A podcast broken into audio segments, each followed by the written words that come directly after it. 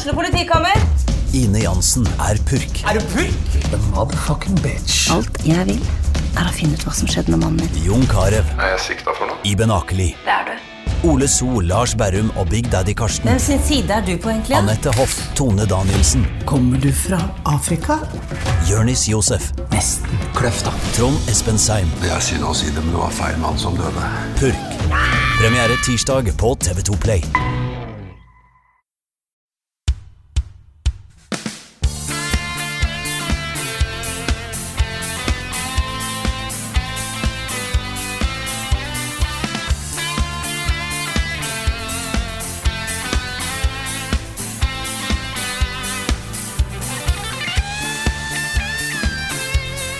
Hallo, alle sammen, og velkommen til en ny episode av podkasten Level Backup. Med meg, Frida Danmo, og med meg i dag har vi en hel gjeng. Det er jo nesten eh, Jeg, er nesten, jeg kan ikke kalle deg gjest lenger nå, for du er så ofte med, kjære Niklas Halvorsen. Ja, Eh, og i tillegg så har vi jo selvfølgelig Karl Martin Hogsnes og Rune Fjell Olsen. Hallo, folkens. hello. var ikke noe bedre å finne på, Frida. Åh, Mm, nå er jeg her. Ja, det var, en, det var en negativ start på podkasten, syns jeg. Ja. Jeg vet ikke helt hva jeg skal si. Det deg ikke, noe- det finnes er ikke noe bedre å finne på enn å være med i podkasten. Ja, ja, ja. Det er det man skal si. Det er Nei, det, det gjør jo ikke det. Nei, Dette er jo et av ukas høydepunkt.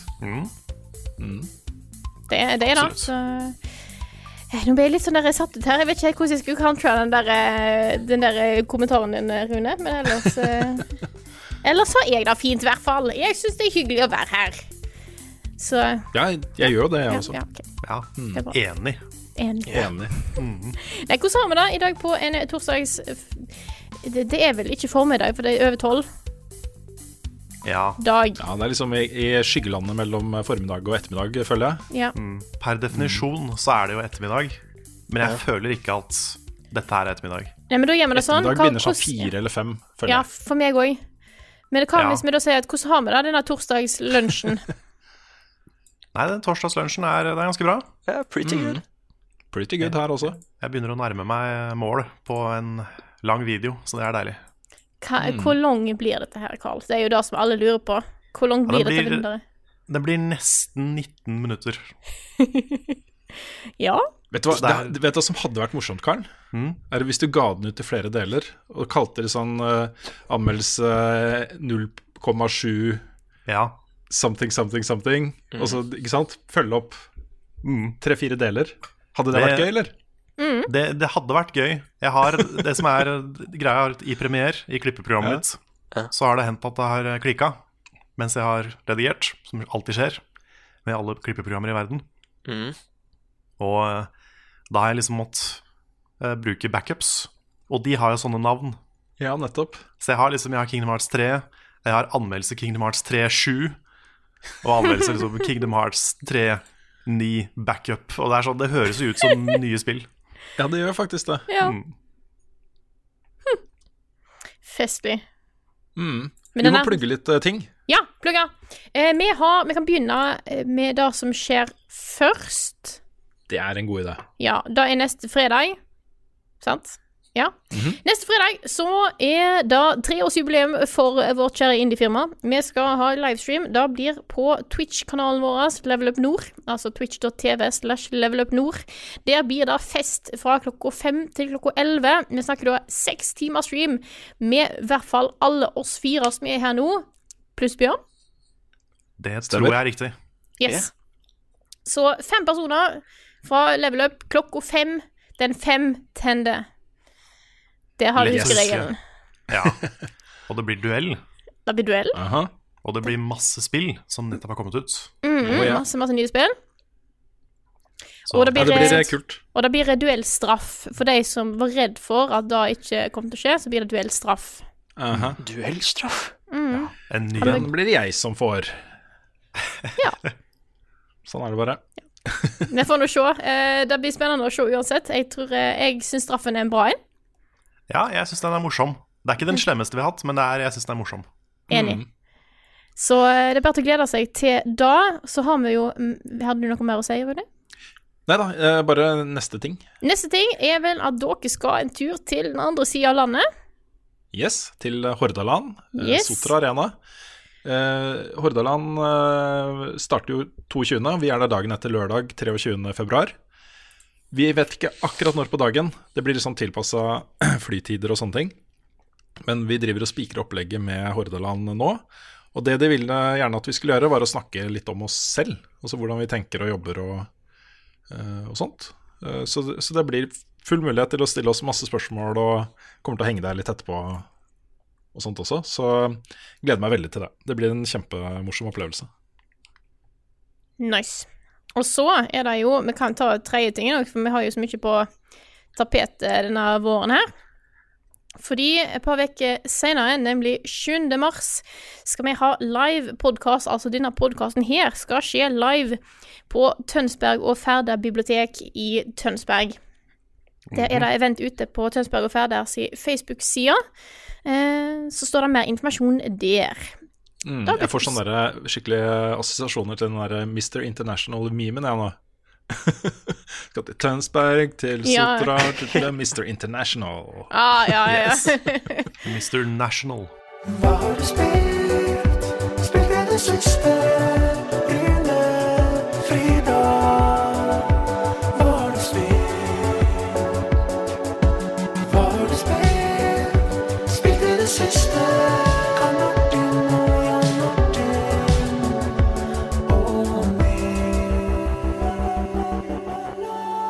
Vi har jo spilt en drøss med spill siden sist, så da skal vi snakke litt om, tenkte vi. Sånn som vi pleier å gjøre. Da kanskje dere skjønte det, siden det kom en vignett som heter 'Hva har vi spilt i det siste?' Så hvem har lyst til å begynne? Nei, kanskje, Ja, vi, kanskje vi skal begynne med det vi spilte på stream i går? Ja, vi, Ja. Det er mest naturlig at vi begynner der også. Det er jo et spill som tre av oss har eh, spilt, Mm. og en av oss har sett på, litt i hvert fall. Apex Legends. Yes. Det ble jo Stealth-lansert på mandag, var det ikke det? Jo. Jo. Ja. Um, det er jo da et Battle Royale-spill fra Respawn Entertainment som eh, er på en måte født av Titanfall-universet. Så etter sånn som jeg har forstått det, da, så starta det uh, dette spillet her under utviklingen av Titanfall 3. Så tror jeg de fant ut enten da Så kan man jo spekulere om det var press fra EA, eller om det var et uh, sterkt inderlig uh, eget ønske uh, om å lage dette spillet istedenfor Titanfall, Titanfall 3. Men uansett, da, det ble et Battle Royale-spill som heter Apex Legends. Det er for eh, 60 spillere. Tremannslag foreløpig, så er det det som er greia. Et map. Vi spilte det på stream i går, eh, på PlayStation Mhm. Det er vel på PlayStation og PC dette er tilgjengelig? Og Xbox. Og Xbox, selvfølgelig. Sorry. Mm. Som om vi ikke får nok beskyldninger om å ikke snakke nok om Xbox tide. Nei, det første jeg vil si, er jo at 60 FPS og Field of View-slider på PlayStation 4, det var nice, altså. Ja, det Det var, var så polished. Ikke sant? Det Ja, det er så altså- skikkelig, skikkelig bra ut. I hvert fall satt opp mot hvor dårlig PubG har kjørt på konsoll. Ikke sant? Så er det liksom det, det å starte det spillet her på PlayStation var en sånn her, Det var en sånn glede. Mm. De folka her er jo mesterlige på å lage high quality engines gjennom Call of Duty-serien eh, og Titanfall-serien. Dette kan de, liksom. Lage ting som flyter bra og ser bra ut. Jeg er også veldig positivt overraska over hvor gøy det var å spille det, faktisk. Det var eh, Jeg fikk jo ikke noen kills, da, på en time, liksom. Ikke én kill. Nei. Men det er, det er morsomt. Det er jo Battle Royale. Også. Mm. Ja, det er det. Førsteperson, Battle Royale. mm. Jeg, bare, jeg er så stolt over at jeg fikk de to første killsa. Ja, det Ja. gjorde du. Det, det, det, det hadde jeg ikke trodd, altså. Men jeg, syns- jeg må si at jeg syns det virker som at de har et godt konsept her. Med at det, på en måte, du har litt mer enn bare 'la oss finne et våpen og skyte noen'. Du hadde jo litt abilities og sånt, fikk jeg inntrykk av. Mm. Mm. Så du faktisk kan lage spillopplevelsen litt interessant, da. At du har mulighet til å um, Hva karakter du velger, har litt å si, og litt sånne ting, da. Kan skille seg Ja, litt ut fra PubG. Ja, komponere laget, ikke sant. Vi hadde jo en sånn situasjon hvor vi drev og snakka om, eh, om uh, ultiene til de forskjellige rollefigurene vi hadde. Hvor ingen av oss egentlig tenkte at de ultiene var noe bra, men så fant vi ut at en kan jo bruke sende et rope, og en kan kaste smoke nade, og en annen kan ikke sant, teleparte inn og ut. Og plutselig så ble kombinasjonen av de uh, ultiene ganske fete, da. Ja, jeg hadde en sånn airstrike-ability som ikke jeg visste om. Ikke sant? Så den burde jeg nok brukt mye mer. Mm. Ja, Men jeg liker bare at det er et sånn klassesystem i det spillet. Mm. At det er litt sånn Overwatch. Ja, det er akkurat nok Overwatch til at det i hvert fall for meg, da, skiller seg litt ut. Nå har jeg ikke spilt alle Battle Royale-spilla mye, men eh, det føltes litt sånn Det, det passa bra inn. Mm. Og så elsker jeg at, eh, at uh, før hver match så må liksom alle tre på laget velge character. Og det er sånn skifte rekkefølgen da på hvem som får velge først. Du kan Ja. ikke velge den samme karakteren som noen av de andre har valgt. Så det betyr at du må jo mikse og matche litt, da. Eh, For eksempel så eh, hvis laget burde jo ha en healer med seg, liksom. hvis ingen har valgt det før sistemann, så er det sånn et slags folkekrav, da. Om Ja. man bør velge en healer, kanskje. Ja. Jeg så liker jeg at det er en sånn jumpmaster, eller hva det heter, som, Mm. Ja. som skal hoppe for alle tre. Mm. Det også var kult. Nei, jeg, jeg, jeg syns jo øh, Altså, dette her Det blir en ganske kort nyhetsspalte det, denne gangen der. Fordi når vi snakker om Apex Legends, så blir på en måte så mye av det er news òg, ikke sant? Fordi det var ble jo sluppet en uke her. Mm. Men, øh, men jeg syns jo det er interessant. Nå melder EA om, øh, om litt sånn lav inntjening. Lavere enn forventa. Nedgang, nedgang i aksjekurs. De prøver veldig hardt nå å få til en sånn megasuksess som får de på toppen igjen, ikke sant. Um, og nå har de jo Anthem, som lanseres neste uke, liksom. Og så kommer Apex Legends nå. og så kommer Ja, det- Battle Royale til. Battlefield senere i vinter. Det er sånn Åh, det, det er liksom Jeg, jeg, får litt- jeg syns litt synd på dem. At jeg føler det, Jeg kan kjenne liksom det stressnivået bølge ut fra lanseringen av deres. Å ja, stakkar folk. Ja, stakkars EA, stakkars, stakkars. Svære, svære. Ja, nei, men, eh, Ja, det, det ok, det var ikke sånn ment. Det var ikke ment som De har eh, Det er ikke det at jeg nødvendigvis syns synd på EA, jeg bare merker at eh, jeg, jeg har medfølelse for at de har det litt stress akkurat nå. Jeg ser for meg folk som springer rundt på kontoret deres og kaster papir, og ting brenner og sånt. Mm, ja. Så jeg syns synd på de på en måte i den grad, men jeg syns ikke, Ikke nødvendigvis synd på EA. Ja, jeg syns synd på de som følger ordra. Ja. ja, jeg syns synd på folka på gulvet. Det er nok masse bra folk i EA. Det er det. Det er det. Jeg har en god venn som jobber i EA, nei, jeg har ikke det. Så det Nei, okay, okay. Nei, det har jo vært en serie med litt sånn eh, ok nyheter fra EA i det siste, ikke sant? Med Ja. kanselleringer av Star Wars-spill og det, det virker som de ikke helt har liksom funnet ut hvordan de skal eksistere i dagens spillandskap. da. At de prøver seg litt fram nå med eh, mikrotransaksjonssystemet i eh, Star Wars Battlefront 2 som man kan si inngangsporten til det nye EA, ikke sant? Og all den backlashen de fikk, og alt de har gjort etterpå som har liksom prøvd å rette opp i det inntrykket og alt det der. da. mm. Men det, det virker jo litt som om alle de tre tingene som kommer nå, nesten samtidig, har samme målgruppe. Ja, det er akkurat det som er litt rart, skjønner du, for det føles som de skyter med hagle nå, ikke sant? Ja. Og håper at noen av de eh, pelletsene treffer. Mm. Eh, Jeg, jeg tror de selv ikke regner med at alle de tre spillene blir megasvære på Battle Royale, eller på um, den type målgruppe, da. Og så nå er jo Battlefield eh, er jo allerede ganske stort, liksom, men eh, de har nok et visst håp om Battle Royale-modusen der også. Ja, bare ikke de tre spillene liksom spiser hverandre opp, da. Ja, for det altså, det er ikke sånn, vet du. ødelegger Det er- det andre. Ja, ikke sant? Det er ikke sånn at folk ja, Ok, i går var det litt sånn. Men eh, at, at folk, vennegrupper, ikke sant, spiller eh, spiller litt Anthem, og så eh, Vi skal ikke ta noen runder Apex Legends, da. Jo, vi gjør det. Og så ja, kanskje vi skal ta litt Battlefield eh, også. Altså, det er ikke sånn. Folk spiller, folk spiller Apex Legends i tolv timer, ikke sant. Og det er det de gjør den dagen. Ja, Vi skal ikke ta oss og spille en time World of Warcraft, gutta, og så går vi videre til Final Fantasy 14, og så Ja. spiller vi Wildstar eller whatever. Oh, det er litt ja, sånn som når du spiller, i hvert fall før i tida, så um, Nintendo gjør det litt nå òg, men spesielt på Wii så var de veldig harde på den der sånn Skal ikke ta en pause, da. Så jeg ser for meg det ja. litt sånn, ser for seg gamer bare sånn Ja, nå skal jeg spille i en time, og så skal jeg ta meg en pause. ja. Det er ikke Det er helt sikkert, eh, det er sikkert en eller annen som er sånn veldig sånn zen-gamer, som bare sitter og bare får opp den meldinga så Ja, det var en god idé, nå går jeg og tar meg en kaffekopp. og nyter naturen litt. Bare setter meg ut på terrassen, Mm. og så Ja. sitter de der litt, og så kommer de tilbake og spiller. Jeg, jeg Jeg gjorde tror det litt sånn mennesket før. Du gjør det? Ja. Ja, fordi det var sånn, det er de der spillene som dukker opp hvor det står sånn Advarsel, epilepsi. Ta, en, ta litt pause etter en time spilling eller noe sånt. Og det var eh, Det var vel en venn av meg som hadde vært i noe sånn Han hadde krasja med sykkelen eller et eller annet sånt, så jeg tenkte at epilepsi høres ikke greit ut i det hele tatt. Jeg visste ikke så mye om det, så jeg tenkte at da bør jeg kanskje ta den pausen. Altså just to be safe, da. Har du epilepsi? Eh, nei, jeg har ikke det, men det sto liksom jeg, jeg visste ikke at eh, Jeg trodde alle kunne få det, ikke sant? Ah, At dette, dette er noe som skjer hvis du ja, hvis du sitter for lenge her og spiller. Ja, du får, du får epilepsi hvis du spiller for mye Wii. Ikke sant? Spesifikt We. Ikke sant? det er sånn- Bare Wii. Ja, så bare why risk it, ikke sant? Mm. Ja.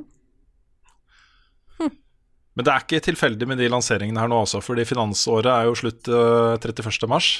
Eh, og helt sånn kvartalsrapporter og sånne ting er helt avgjørende for eh, aksjekurser og sånne ting. Jeg, jeg føler vel at eh, EA kanskje burde hatt litt mer is i magen her og venta med ett av de to spillene, da. Enten Anthem eller Apex Legends. Mm. Um, jeg er litt redd for at de kan komme til å kannibalisere litt på hverandre. Og særlig da når uh, Nå kommer det rapporter om at endgame i Anthem ikke er all verden. At ikke det er så innmari mye å gjøre der Oi. eh, når det kommer til max level. Um, så spørsmålet blir da hva som skjer med det spillet. Det er det, det spillet jeg er mest bekymra for. Ja, bekymret, jeg, går, jeg ligger ikke våken om netten og lurer på hvordan det går med Anthem. Jeg gjør ikke det. gå med Anthem? Og ja, jeg gjør ikke det. Men uh, dette er et også Anthem som konsept er jo et, uh, et potensielt spill Et spill som jeg potensielt kan kose meg med lenge, da. Uh, og hvis det nå liksom stadig kommer andre spill som er, uh, har morsommere ting å holde på med og, i, i lengden, så vil jo Anthem gå i glemme, glemmeboka, ikke sant? Men sånn For å dra det litt tilbake til hva vi har spilt i det siste. Ja. ja, hvorfor ikke? Ja, uh, Apex Legends var jo kanskje Det er noe av det morsomste multiplayer jeg har spilt på lenge. Mm. Det syns jeg det var, det var ordentlig gøy. Jeg er helt enig med deg. Det var skikkelig gøy. Det, jeg, jeg liker liksom miksen av uh, den uh, litt sånn crazy bevegelsesfriheten og uh, tradisjonell Battle Royale gameplay. Fordi det føltes jo ofte som PubG eller Fortnite, samtidig som, som jeg fikk liksom den der godfølelsen fra uh, Boots on the Ground-delen av Titanfall og sånne ting. da. Men jeg vet det er en del eh, som har Eller noen som har sagt at de kanskje savner den wall jump wall running-mekanikken fra Titanfall. Følte dere at det var en ting som gjerne skulle få der, det, eller syns dere spillet klarer seg fint uten? Jeg tror, det, jeg tror det jeg har sett om det, var at de har testa det ut, men fant ut at det gjorde opplevelsen Altså, det ble ødelagt, da. Mm. Fordi no, noen er så mye flinkere til den den uh, wall-runninga, jumpinga og vertikale gameplayet uh, enn andre. Og da står man der liksom som en kylling og Ja. Jeg, jeg ble litt uh, satt ut i starten over at ikke det var noe double, double jump. mm, Men sånn halvannen time uti så oppdaga jeg at du kunne løpe opp vegger. mm. Sånn rett opp. Ja. Noen av de. Og det hjalp jo litt. For da fikk du litt Mm. mer sånn verticality, som det heter. Ja, jeg, jeg syns også mappet er dritbra, fordi det er så utrolig stor forskjell på de forskjellige områdene der. Altså Både visuelt og også sånn taktisk, da. Noen der så hadde du et sånt svært eh, uh, skjelett fra et monster som du kunne klatre på, ikke sant. Andre så var det litt mer sånn city-like, og så var det sumpområde og var et område, skog som var brent ned og alt mulig rart. Jeg synes syns det er litt Alien Nei, gå, gå først, Finn. Ja. Nei, Jeg syns det er litt stilig at de har at eh, Ja, rett og slett Det er veldig mange som Du kan jo kritisere at det er så veldig mange Battle Royale akkurat nå, og kanskje en del som har liksom hoppa litt på bølga der, men du Her er det mye, eh, mye kreativitet som er lagt ned, altså. Det er faktisk Mm. lagt ned liksom eh, mye jobb og sjel ned i dette her, virker det som, for det jeg har sett fra i hvert fall eh, av gameplay og av mappet spesielt, at det er på en måte det er variert, det er kult. De prøver å gi noe litt annet her. Mm. Mm. Og så syns jeg det er litt uh, Hva skal man si artig, jeg vet ikke helt hva jeg skal kalle det. Men uh, representasjon har jo tydeligvis vært viktig for uh, Respawn her. Du har liksom to eh, svarte kvinnelige rollefigurer. Så så jeg noen eh, meldinger folk som klager på nett over at de etter å ha gjort en karakter til mainen sin, og spilt masse med den og blitt ordentlig glad i den, finner ut at den er homofil, og er sånn Kan dere ikke være så snill endre på det, da, fordi jeg vil jo ikke spille som en homofil, ikke sant? Nei, uff, stakkars de spillerne, altså. Nei, men det er et sånt Dette er i mine øyne et veldig sånn dude bro-spill. Og så sånn uh, Appellerer veldig til den Halo-generasjonen og litt sånn ho hurra! Ikke sant? Men at de bruker tid på det, da. Uh, å være litt inkluderende og uh, presentere rollefigurer som uh, flest mulig kan uh, identifisere seg med og, og kose seg med osv. Det er et godt tegn da, på hva de vil med dette spillet her. Der går de rett inn i Overwatch-leiren, ikke sant? Ja, yep. ja det, er, det er både veldig kult, og så er de Jeg syns de karakterene er ganske bra designa. Mm. For det er, det er litt vanskelig å skille seg ut med så, altså sånne personligheter i et sånt skytespill. Mm. Det er vanskelig å konkurrere med Overwatch. Nå er det jo ikke, ikke si at character design er kanskje like bra som Overwatch, men det er, det er ganske bra, da. Ja, det er ikke så langt unna, syns jeg. Nei. Kanskje litt- altså, det, er noe, det er noe unna. eget med Overwatch, syns jeg. De er, Ja, det er liksom det. toppen av toppen av character design. Mm. Men, eh, men dette er bra, det òg. En tydelig De inspirasjonskilde, i hvert fall. Ja. Absolutt. Og hvis du går inn og ser også, du har jo ingenting unlocka fra starten av. Du har én emote og én pose og ett skin og Altså, det er veldig Men blar du nedover, det er jo massevis ikke sant, som du kan låse opp uh, underveis. I lootboxer, som du kan også kjøpe for ekte penger. Um, men ikke noe Det er bare kosmetikk, da. Men jeg, jeg har jo liksom kikka litt på de og fått noe unlocka også. Jeg spilte en del på PC også etter at du var ferdig uh, på PlayStation. Um, og det, det endrer jo eh, rollefigurene ganske mye, da. Du setter ganske annet preg på de ved å bare gjøre de små endringene. Uh, samtidig så er det jo grunnmekanikkene som er det viktigste der. Også ultiene de har, og abilities og sånne ting. Som ikke endrer seg i det hele tatt. Mm. Men det er jo masse sånne emotes du kan gjøre over uh, folk du har drept og, og sånne ting, som jo selvfølgelig er kjempegøy. Da er alltid kjempegøy. Moro, moro. Jeg tror dette kommer til å bli stort, folkens. Jeg tror, um, jeg tror eh, Apex Legends kommer til å gjøre det kjempebra. Og jeg tror de har en god plan også for videre drift. Det kommer sikkert til å bli sånn som det er i de andre Battle Royale-spillene. At plutselig så kommer det et nytt map, og det er seasons og events og alt dette her. Skal ikke se bort fra at det kommer eh, Titans inn etter hvert, som en eller annen greie. Sant. Nei, det, det blir spennende å se hvor det spillet her er om en måned. Mm. Fordi det kan, altså, jeg tror også det blir stort, men det kan også floppe hvis ikke de er gode på å oppdatere og, og gjøre ting. Mm. Så jeg tror det er litt avhengig av det fortsatt, at, de, at, de, de, at det skjer ting. Mm. Og så syns jeg lanseringen var jo forbilledlig. Det at de først hadde sånt uh, influencer-event. Så folk hadde liksom masse gameplay klart da, til eh, embargo, ikke sant? Ingen hadde hørt om det før. Det kom først en liten melding om at uh, Respawn lanserer et nytt Battle Royale-spill klokka tolv i dag. Følg med, folkens. Og så bare pang! Så var nettet fullt av det. Og innen de første åtte timene så var det jo én million spillere Ja. på Oi. spillet, ikke sant? Ja. Så uh, det, det sier litt om modellen som vi har hatt til nå, da. Eh, Som noen er uh, verre på enn andre, men hvor det kommer først en uh, teaser-trailer, og så kanskje en teaser-trailer til, og så en gameplay-trailer, og så skal de presentere eh, liksom et spesifikt moment av spillet. Kanskje du får en behind the scenes-video. Så pøses det på med ene traileren etter den andre i ett år, ikke sant? Folk blir jo drittlei før det kommer ut. Og jeg tror at når du, skal, når du skal inn i et marked hvor du vet at folk kommer til å gi deg pepper fordi du lager nok et Battle Royale- Royale-spill med mik mikrotransaksjoner, så mye mer effektivt å bare fuckings gi det ut. Ikke sant? Ja. Ferdig med saken. Bare, bare tenk hvis Diablo Immortal, er det det heter? ja. Hvis det bare hadde kommet ut, mm. så hadde ikke folk hata det. Nei, jeg tror ikke jeg heller. Det er sant. Jeg tror eh, Ikke- det at eh, ikke- Blizzard gjorde det til en big deal Ja, ikke var- presenter det på en scene på slutten av et show. Nei. Det er det dummeste du kan gjøre. Ja, Ikke sant? faktisk. Nei, jeg gleder meg til å spille det mer. Kommer til å spille det mer.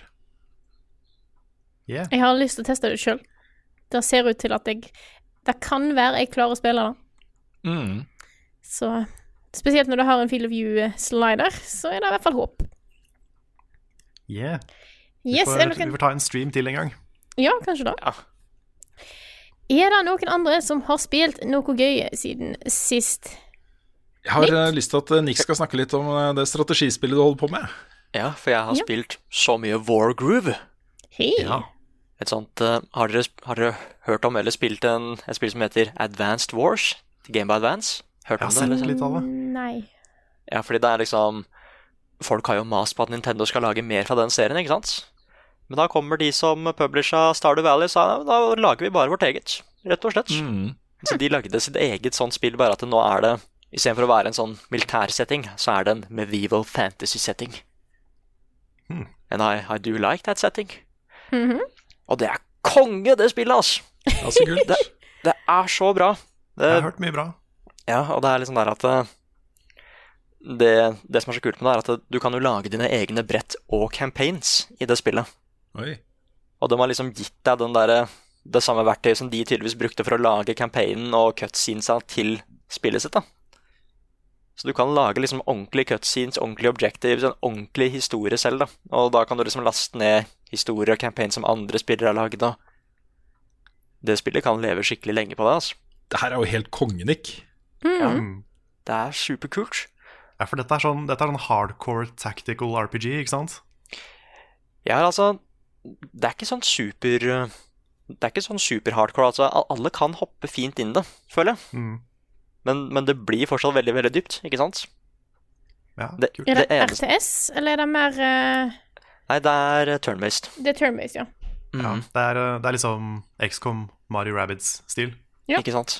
Ja. Bare at det er en sånn superpen advanced, eller Game by Advance retro-stil på det. Mm. Ah, Det er så. Jeg, jeg har spilt det så mye på den håndholdten på Switchen, ikke sant? For det er jo en svær Gameboy.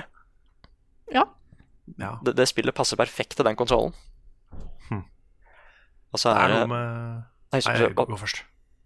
Ja, ok. Ja, fordi det eneste jeg har kanskje Skal ikke snakke så veldig mye om det, men det eneste jeg har litt problemer med, det er at eh, det er litt det du snakka om Two Point Hospital, kanskje. At det er Det er en ny versjon av et spill, men det er nødvendigvis ikke så mye nytt der, da. Ikke sant?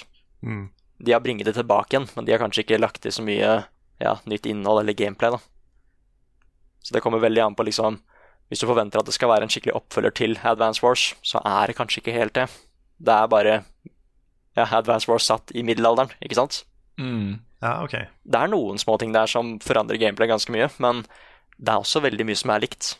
Så jeg føler at det er perfekt til de som ikke har spilt Advance Wars, men hvis du er en svær fan av den serien, så kanskje du er ute etter bitte litt mer. Men, men det viktigste er at den serien er ish tilbake igjen, da. At det er liksom en fan-remake. Mm. Og jeg, jeg syns flere folk kan bare gjøre det, ass. Bare lage sine egne Ja. versjoner av spill som andre utviklere ikke gidder å gjøre noe med, da. Ja, bare, bare lag Pokémon Snap. Ja. Anyone. Bare, jeg vil ha mer av det spillet. Mm. Mhm. Tror ikke det blir saksøkt i hele av Nintendo. Jo, kanskje hvis de lager Pokémon Snap. Men det kan kanskje være liksom Kitten Snap, Ja, ikke sant? eller noe sånt. At Ja. de bare har masse forskjellige sånne puser som du kan ta bilde av. Ja, ja kanskje On da. rails. On rails. Den, den ideen kan dere få gratis av meg, dere som hører på, hvis noen vil lage det. Ja, det kan funke, vet du. Altså, det er eh, Snap med kattunger. Kattunger-snap. Kattunger-snap. Nei, så det er en, en anmeldelse er klar til helgen, tenker jeg. Nice. Det, det spillet var litt, litt større enn det jeg trodde det skulle være, for det kosta ikke så mye. Men det, men det er jo en bra ting, ikke sant? Mm. Ja, ja. Mm.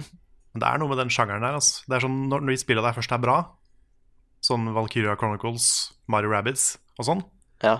jeg blir så oppslukt i det. ja, det er sant. Så det er en, det er en bra sjanger å gjøre riktig. Altså. Ja, apropos billig, da. Kan jeg fortsette? Ja, kjør på. Ja. Fordi uh, jeg går jo og venter på slippet neste uke. Det, blir, det er liksom så mange av de spillene som jeg skal spille selv. Mm. Um, kommer nok til å prioritere Anthem, men også Far Cry og Metro er ting jeg har veldig veldig lyst til å teste. Så fram til det så tenkte jeg at jeg skulle prøve meg på litt sånn ny, ny mark. Ting som jeg ikke har spilt så mye av før, men som jeg ble veldig nysgjerrig på. Så jeg har eh, spilt en times tid av Sunday Sunless Skies, som jo er et eh, ikke hardcore rollespill, men et RPG.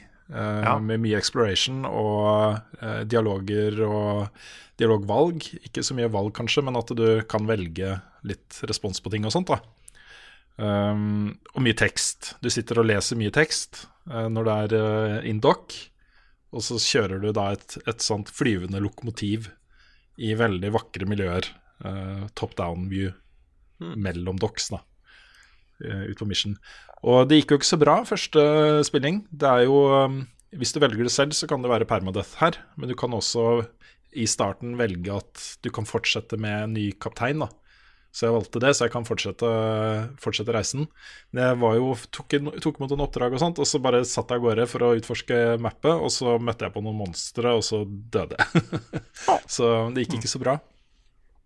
Men det er veldig stemningsfullt. Veldig, det føles litt som jeg er med på en slags sånn eh, DND-campaign her, hvor uh, man må følge godt med da, på den historien som blir presentert for deg, som tekst, uh, for å hente maksimalt ut av opplevelsen. Så det er sånn typisk sitte med en kopp kaffe, lese teksten, tenke litt gjennom hva du skal gjøre og hva du skal prioritere og, og sånne ting, um, før du da går videre. Og så er det direkte action når du er ute og flyr. Så jeg tok jo først ett monster som kom flyvende, og så kom det ett til som bare kjørte rett inn i skroget og lagde hull på det, og alle døde. Å nei! så jeg vet. Um, da kunne jeg også for, for så vidt uh, starte på forrige checkpoint, da. Uh, og det er sannsynligvis det jeg kommer til å bruke. For da var, hadde jeg vært i byen der og gjort en del plukka opp en del missions og rekruttert et par nye til mannskapet til uh, lokomotivet og, og sånne ting. Um, Jeg, liker, jeg liker spill når det er så Altså spill som er så chill at du kan spise godteri mens du spiller de. Ikke sant? Chill og spill. Chill for og spill. Det kan du virkelig her, altså. Eh, Du må jo selvfølgelig være litt på ballen når eh, noen skyter på deg eller eh, prøver å ta deg. Men uh, ellers så kan du liksom bare sitte og chille.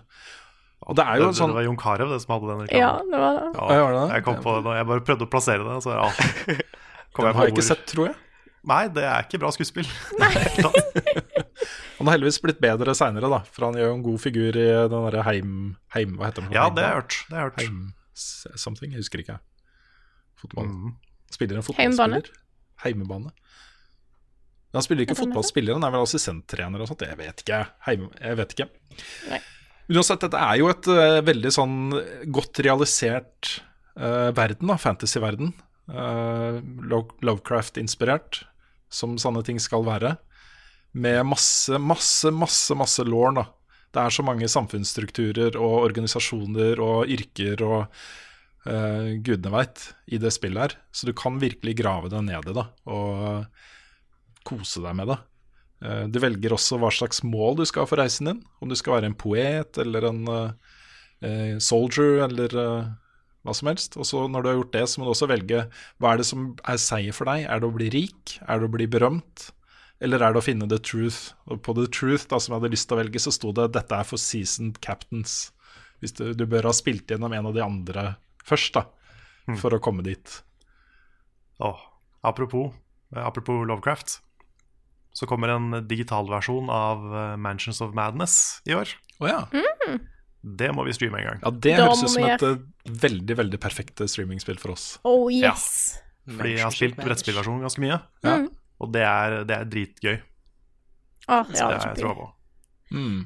Angående brettspill, så har jeg lyst til å si en ting. Fordi jeg, er- jeg er veldig nede i, i videoredigeringshjørnet akkurat nå. Eh, så det blir ikke så mye tid på spill. Jeg har tre videoer som er in- innklipping nå. Men i helga så spilte jeg et spill som jeg tror eh, Som jeg har sett litt på før. Det er Secret Hitler. Det er sånn derre brettspill det du skal det, det, er, det er veldig enkelt. Jeg vil bare ta det opp fordi jeg syns det er kjempegøy å spille. Um, og fordi at eh, vi av og til snakker litt om brettspill her. Det er basically et uh, spill der det er noen rundt bordet som er, eh, som er fascister, noen som er liberale, og blant fascistene så finnes det en Hitler. Ja. Og fascistene vet hvem hverandre er, og de liberale skal prøve å finne ut hvem som er fascister, og hvem som er Hitler, mens fascistene skal prøve å få Hitler til makta. Og så er det sånn der prøver å overtale hverandre og, og liksom lure litt, lure hverandre litt og sånne ting. Det er veldig lett å bli veldig eh, engasjert og anklage andre for å være eh, lygere og fæle folk, og rett og slett, du er, du er rett og slett Hitler. Eh, Veldig gøy. Hvis en kommer over det, så anbefaler jeg det veldig. Det var Hmm. Er, det, er det basically werewolf? Ja. Det er Ja. werewolf, men at du er noen som er Hitler. Ja, ikke sant? Og på et tidspunkt så skal du. Ja. Og så er det, det er en del andre ting òg. Du skal på en måte stemme fram eh, policies som kan være liberale eller fascist, altså fascistiske. Og så, ja. Bra spill. Anbefales. Jeg har også spilt noe annet. Ja. Fra det ene til det andre. Uh, Egg har jo kommet på Switch og Steam nå. Som er jo det norske mobilspillet som uh, Kjempebra. Jeg spilte en del på mobil da det kom ut. Nå har jeg spilt det med ungene, og vi har det kjempegøy alle sammen. Det er jo en sånn platform puker, hvor det å spy er det som får deg videre her. Så du hopper og klatrer da, ved å spy. Um, det var jo en innertier for eh, kidsa. Så vi har hatt det innmari, innmari morsomt med, med det spillet. Det flyter kjempebra på Switch også. Så en god, en god port, rett og slett. Nice. Jeg um, har basically bare klipt siden sist. Så det har ikke vært så mye spilling. Men det første jeg skal spille når jeg er ferdig med anmeldelsen, tenkte jeg skulle være Life is Strange episode to. Ja. For den er jeg veldig nysgjerrig på. Så jeg har, jeg har forhåpentligvis noen impressions neste uke. Ukens anbefaling. Hva skal jeg finne på? Ukens anbefaling. Hva skal jeg? Ukens anbefaling. Hva skal jeg finne på? Ukens anbefaling. Hva skal jeg finne på? Ja, da har vi nettopp klippa vekk at jeg eh, glemte at det er ukens anbefaling som er før ukens nyheter, så nå later vi som ingenting. Da er det Ja, anbefaling. vi har snakka om ukens eh, nyheter i to timer allerede, så det Ja. blir gøy å ta det en gang til etterpå. Ja. Nei da, men da er det i hvert fall en Nick som skal komme med anbefaling. Litt på veggene av flere her, tror jeg. Ja. Mhm. Ja. Ja, fordi i, i løpet av de siste streams og sånn, så har vi snakka om en Det dukka jo opp en ny anime her forleden. Som Ja. heter The Promised Neverland. Og det er, det er liksom gøy, fordi Frida og jeg vi er liksom next level. Vi har lest hele mangaen og begynt å se på animeen, ikke sant? Mm. Og nå har Carl også begynt å se på den. Jeg har det. Jeg har sett de to første episodene, Mm. og det, det, det, den var bra. Ja. Men jeg måtte, jeg måtte se på noe koselig etterpå. ja, for Rune har ikke sett det her. Nei. Nei, og det er litt funny hver gang dere, dere har snakka ganske mye om, eh, om eh, den serien. Og når dere har snakka om den, så har jeg misforstått. Jeg har liksom Jeg har, jeg har hørt det jeg har trodd dere har snakka om, er den som heter 'Leaving Neverland'. som jo er den sjokkerende dokumentaren om uh, Michael Jackson, ikke sant? oh, ja. ja. Og dere har snakka på en sånn måte som bare sånn OK, er det, er det virkelig så ja, den kjente anime-serien om Michael Jackson. Ikke sant? Ja, det, det har liksom kommet klart fram at det var en anime-serie dere snakka om, da. Så jeg var sånn ja, OK, ja. Det er Så når dere har vært sånn derre Det er så bra! Så tenker jeg liksom OK, det er en sjokkerende dokumentar. Ikke sant? Jeg vet ikke hva jeg tenkte, men det Det er da ikke Åh. 'Leaving Neverland' Nei, som det eh, er ikke dere det. snakker om. The Nei. Promised, Promised Neverland. Neverland. Det er når du har datt og kommet tilbake igjen og blitt lova at du skal få lov å komme inn. Nettopp. Ikke noe Petter Pan heller. Nei. Nei. Nei. Nei, nei, men Rune, da skal jeg selge denne serien til deg, ok? Gjør det. Ja, så jeg brekker opp nakken og fingra. Ok. Fordi det det dreier seg om, da, er at det, det handler om tre barn. En, en, en som heter Emma, en som heter Norman, og en som heter Ray. Og de bor da på Gracefield Orphanage. Hva, hva uh, Barnehjem. Barnehjem, yes!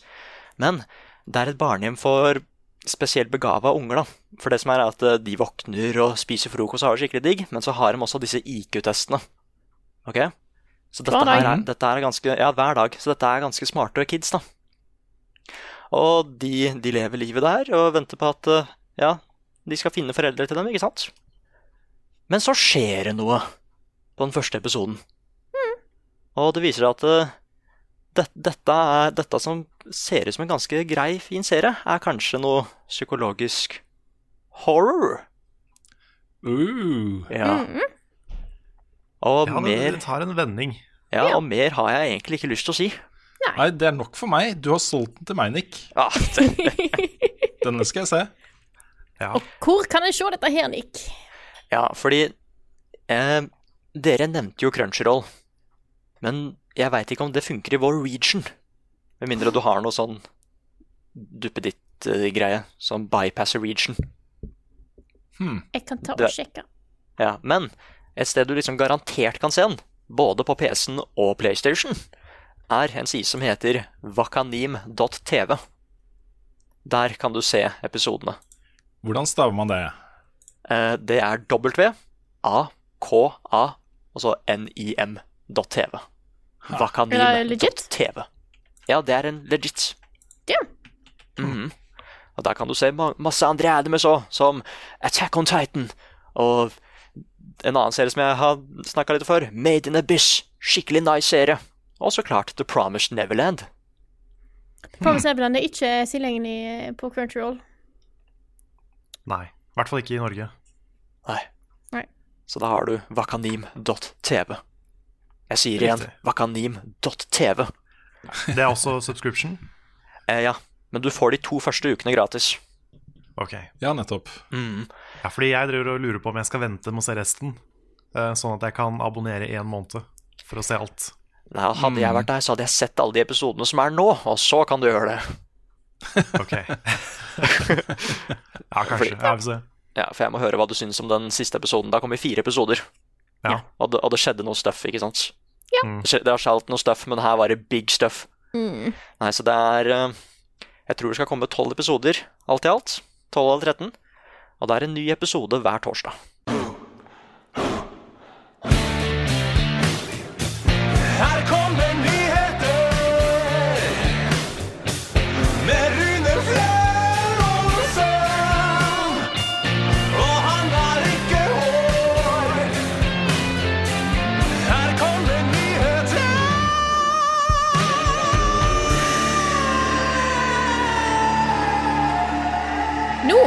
Er nyheter.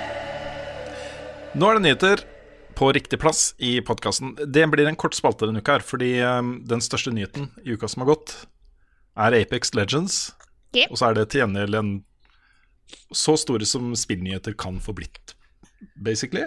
Ja, en Et shadow uh, drop. svært Ja, ikke sant? En shadow drop fra et svært selskap i en sjanger som millioner av mennesker spiller.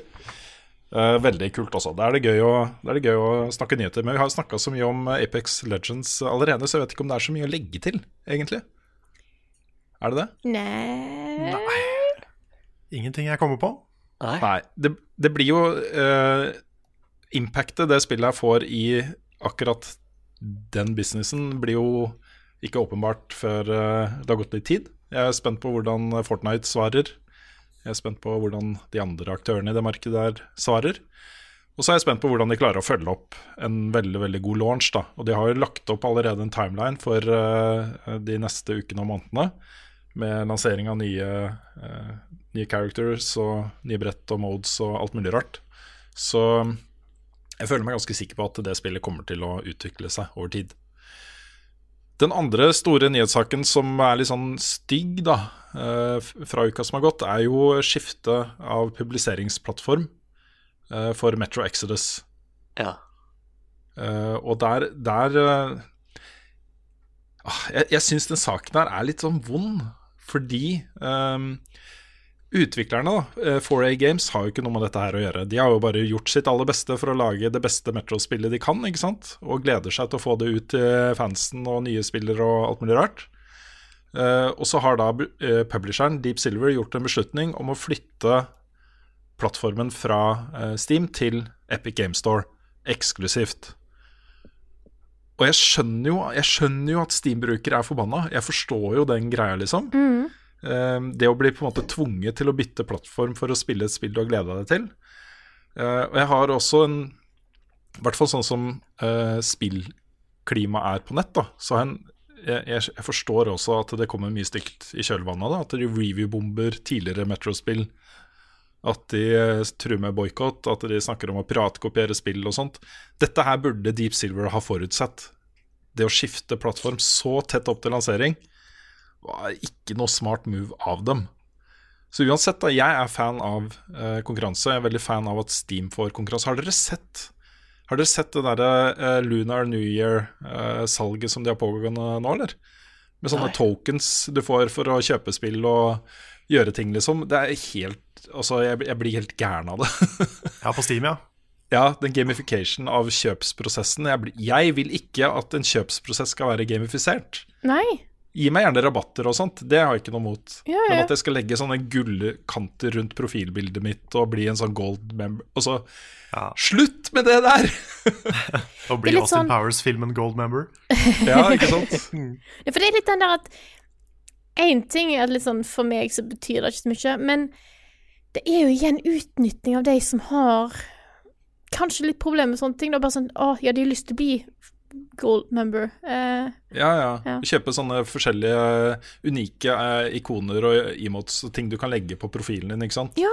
Og for å vise at vet du hva, jeg er skikkelig flink til å handle spill på tilbud. Altså. ja. Nei, jeg, det, jeg blir sur av det. Jeg ble, sorry, jeg blir sur av sånne ting. Jeg syns ikke det er noe vits. Og det, det er litt sånn betegnende for følelsen jeg får da når jeg logger meg på Steam om dagen. Så jeg er veldig glad for at Steam får konkurranse, og fra en aktør som gir mer tilbake til utviklerne og utgiverne, i form av eh, mindre kutt da, av salget. Um, og også den litt den der kureringa av, eh, av salgsvinduet deres. At det er Det føles, i hvert fall foreløpig, eh, fram til de har vokst seg store, de også, selvfølgelig, som om de tingene de har til salg der, er verdt å kjøpe. da. Det er en helt annen sånn kjøpsfølelse, mer sånn på spillenes premisser eh, enn det Steam føles som, som jo er bare Altså det er 30 000 spill der, ikke sant? 10 000 bare fra året som har gått. Det, er, eh, det har blitt AppStore. Ja, og det er, det er Bare Husker dere hvor utrolig kult Steam var de første årene? Altså hvor mye det gjorde for PC-spill?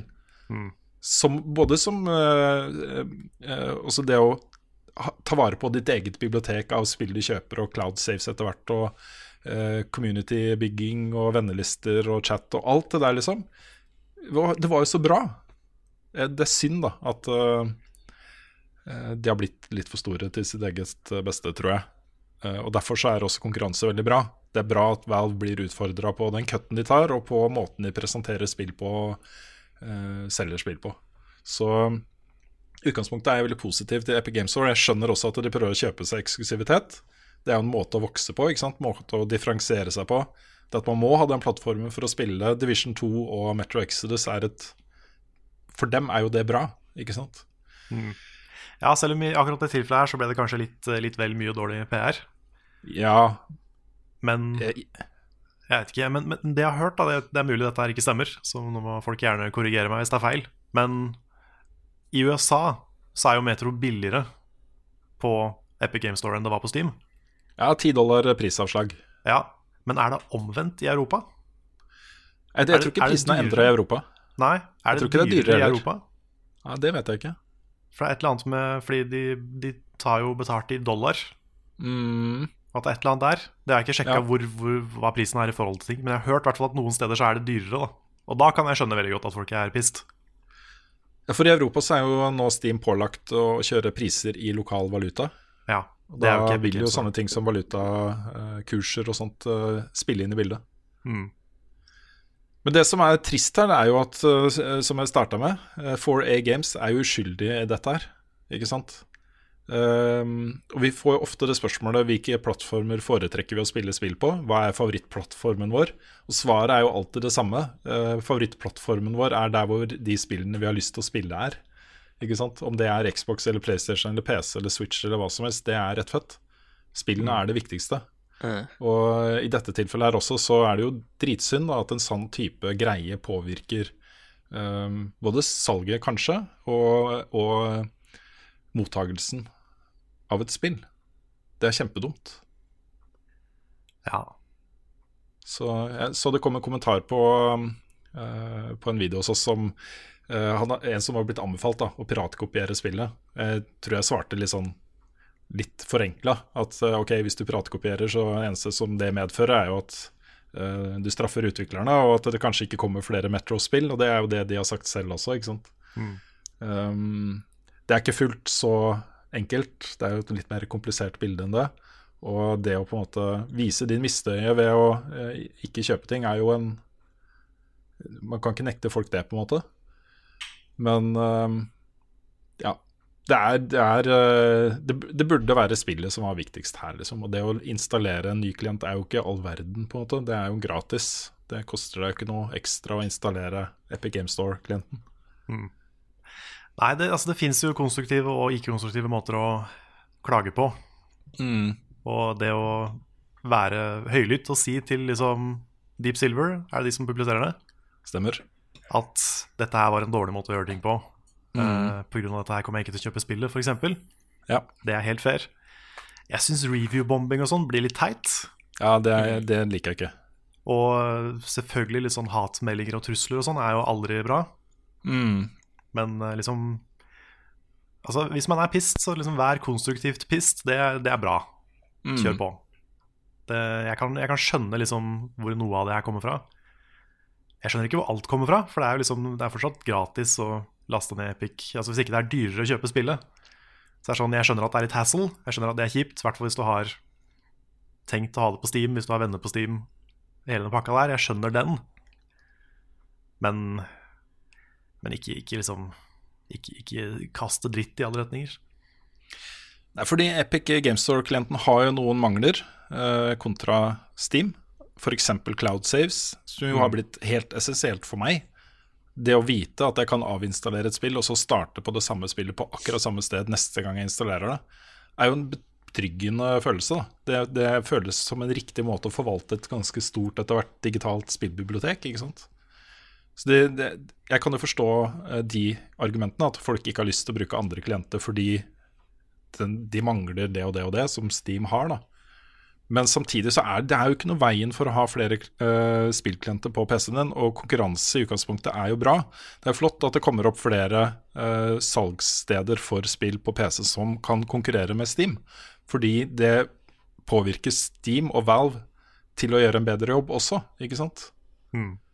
Så um, ja. Enden på visa kan jo bli rett og slett at, uh, at uh, utviklerne velger å droppe PC-plattformen neste gang. At det bare kommer på konsoll. Vil dere det, folkens? Vet ikke. Vet ikke. Nei, jeg tror ikke det. Nei, det er en stygg sak. Vi kommer til å behandle Metro Exodus som vi pleier å behandle spill. Vi tester det der det er tilgjengelig, der vi får review-kode eventuelt. Ja, Og- jeg, kan jo, kan jo kanskje tease en liten ting der. Og det er det at eh, det blir, eh, det blir nok en anmeldelse av det. Men det blir kanskje en anmeldelse fra noen som vanligvis ikke anmelder så mye spill. Mm. Kan la det være litt Erna. Solberg. Erna, ikke, ikke Erna Solberg. det er eh, Nei. Nei. Men det blir, det blir fra noen som vanligvis ikke anmelder så mye. Ja, det gleder jeg meg veldig til. Og poenget mitt er bare det at uh, vi, skal, vi skal ta Metro Exodus for det spillet er, ikke alt det støyet som har eh, kommet rundt, uh, rundt hvor, det, hvor det lanseres. Det samme gjaldt jo Tomb Raider, da det var Xbox eksklusivt. Det er jo helt uaktuelt å trekke i karakter, f.eks., for eksempel, fordi det ikke også kommer på PlayStation samtidig. Ja, er sant. Det er opplevelsen i seg selv som er viktigst. Og så bare nevner jeg eh, kjapt et par eh, mindre saker mot slutten. Eh, det går nå et rykte om at det kommer en mindre versjon av Switch til høsten. Også en Ja. versjon da som eh, eh, da eh, vi kan tolke det dit hen at den vil fokusere på håndholdt-delen av Switch. Være mer Ja, at han ikke skulle ha en dock også. Ja, At det blir, en, det blir liksom en 3DS-versjon av Switch. ikke sant? Arvtaker til 3DS. Ja. Mm. Det er ikke sikkert det er dumt, fordi de som bruker Switchen håndholdt, de, eh, de har jo en veldig svær håndholdt konsoll. Mm. Du får ikke den i lomma, liksom. Nei. Jeg tenkte å ta et spørsmål også fra en uh, lytter uh, til den saken. Det er fra Anders Berland, som, uh, som lurer på fysiske eller digitale spill til Switchen. Og bakgrunnen for spørsmålet er unger. Switchen er primærkonsollen til ungene akkurat nå, men med tanke på hvordan de har behandlet spill til DS-en og PlayStation, så er det fristende å kjøre mest mulig digitalt. Men begrenset plass og mulighet til å selge og eventuelt forevige spillene er også noe å tenke på. Um, det er helt essensielt i den situasjonen å kjøpe et minnekort. Det koster deg 300-400 kroner for et 128 gigabytes SD-kort. Men det er bare å sette det inn, og så virker det.